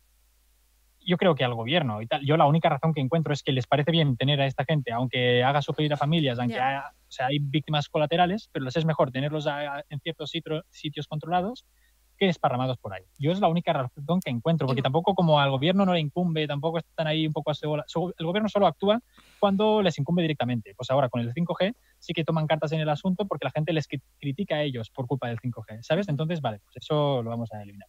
Pero si realmente el 5G fuera culpa de, pues yo qué sé, bueno, cual- cualquier otra organización, eh, el 5G es culpa de los ciclistas, pues no creo que pudiesen nada. Claro, porque es mucho más difícil de controlar y es que tienes razón porque hay personas que llevan 30 años, 40 en el Palmar de Troya que ahora mismo en, en la vida en la vida real no sabrían qué hacer, no sabrían encontrar su lugar en el mundo fuera de ahí, han vivido tan aislados que a ver, qué- O sea, claro, Hay gente que tiene familia y sí que sería fácil que se, fácil que se, se pueda reincorporar a, a la sociedad, pero hay gente que incluso que no tiene familia, entonces ya, pero es que y los todos los niños que- y niñas que están creando, que están tan Sí, adoctrinados lo bajo esa doctrina que, no van a yo- ver nada más allá de lo que les dice el, el catecismo, que van a creer que eso es la verdad, uf, eso es lo que me parece peligrosísimo, los Claro. niños y niñas del futuro. yo pienso que realmente si se prohíbe, que sería lo ideal, o sea, que se termina con las sectas, se tendría que eliminar, no de golpe, porque si no, esa gente puede seguir haciendo lo que ellos quieran y adoctrinando a la gente con esa ideología en su casa, digamos, em, pero sí en plan edu- tratar de ha- hacerlo venir bien para educar a los hijos de la forma que toca. Claro, que ¿Sabes? los niños Entonces, tengan que ir a la escuela, o sea, por ejemplo, ¿no? Que tengan que ser No, vacunados, todo. Tienen que ir a la escuela, pero como es una asociación religiosa y tal, Claro. pues hay ciertas asignaturas que no hacen y se las convalidan porque es su fe. Entonces, pues si yo no puedo hacer religión y no puedo hacer cu- cuatro educación física y cosas así, pues la escuela lo tiene que aceptar porque es su fe. ¿Sabes? Es como, que, hostia, claro, yo cuando que hacía no biología en el cole tendría que haber inventado así. No puedo hacer biología porque mi fe no me lo permite. Hombre, porque yo que no creo que, que- yo no creo en la teoría de la evolución, yo creo en Adán y Eva, madre mía, claro, es que Sí, eso es una locura. Es- en Estados Unidos pasa también con el tema del creacionismo, claro, hay muchas asociaciones de padres y madres que pretenden que o no se enseñe la biología o se enseñe como una teoría, lo de la teoría de la evolución y que se enseñe al mismo nivel, ¿no? De que realmente el creacionismo y es como por favor, tío, es que, pues esto, como los padres antivacunas, como todo esto, claro que al final hay padres y padres y es para los niños, pues es una putada, porque van a crecer pensando que esa es la única verdad, la única realidad, y, y a ver cómo luego les sacas de ahí y les muestras que el mundo es mucho más grande de lo que han visto toda su vida. Eso es lo complicado. Realmente lo peor son las sectas que estoy descubriendo ahora, que son eso, las 2.0, que estas sí que están, además en nuestra generación. ¿Tú de qué año eres, por curiosidad? 92. Yo del 95. Nos llevamos tres años. Pero más o menos en nuestra... ¿De qué?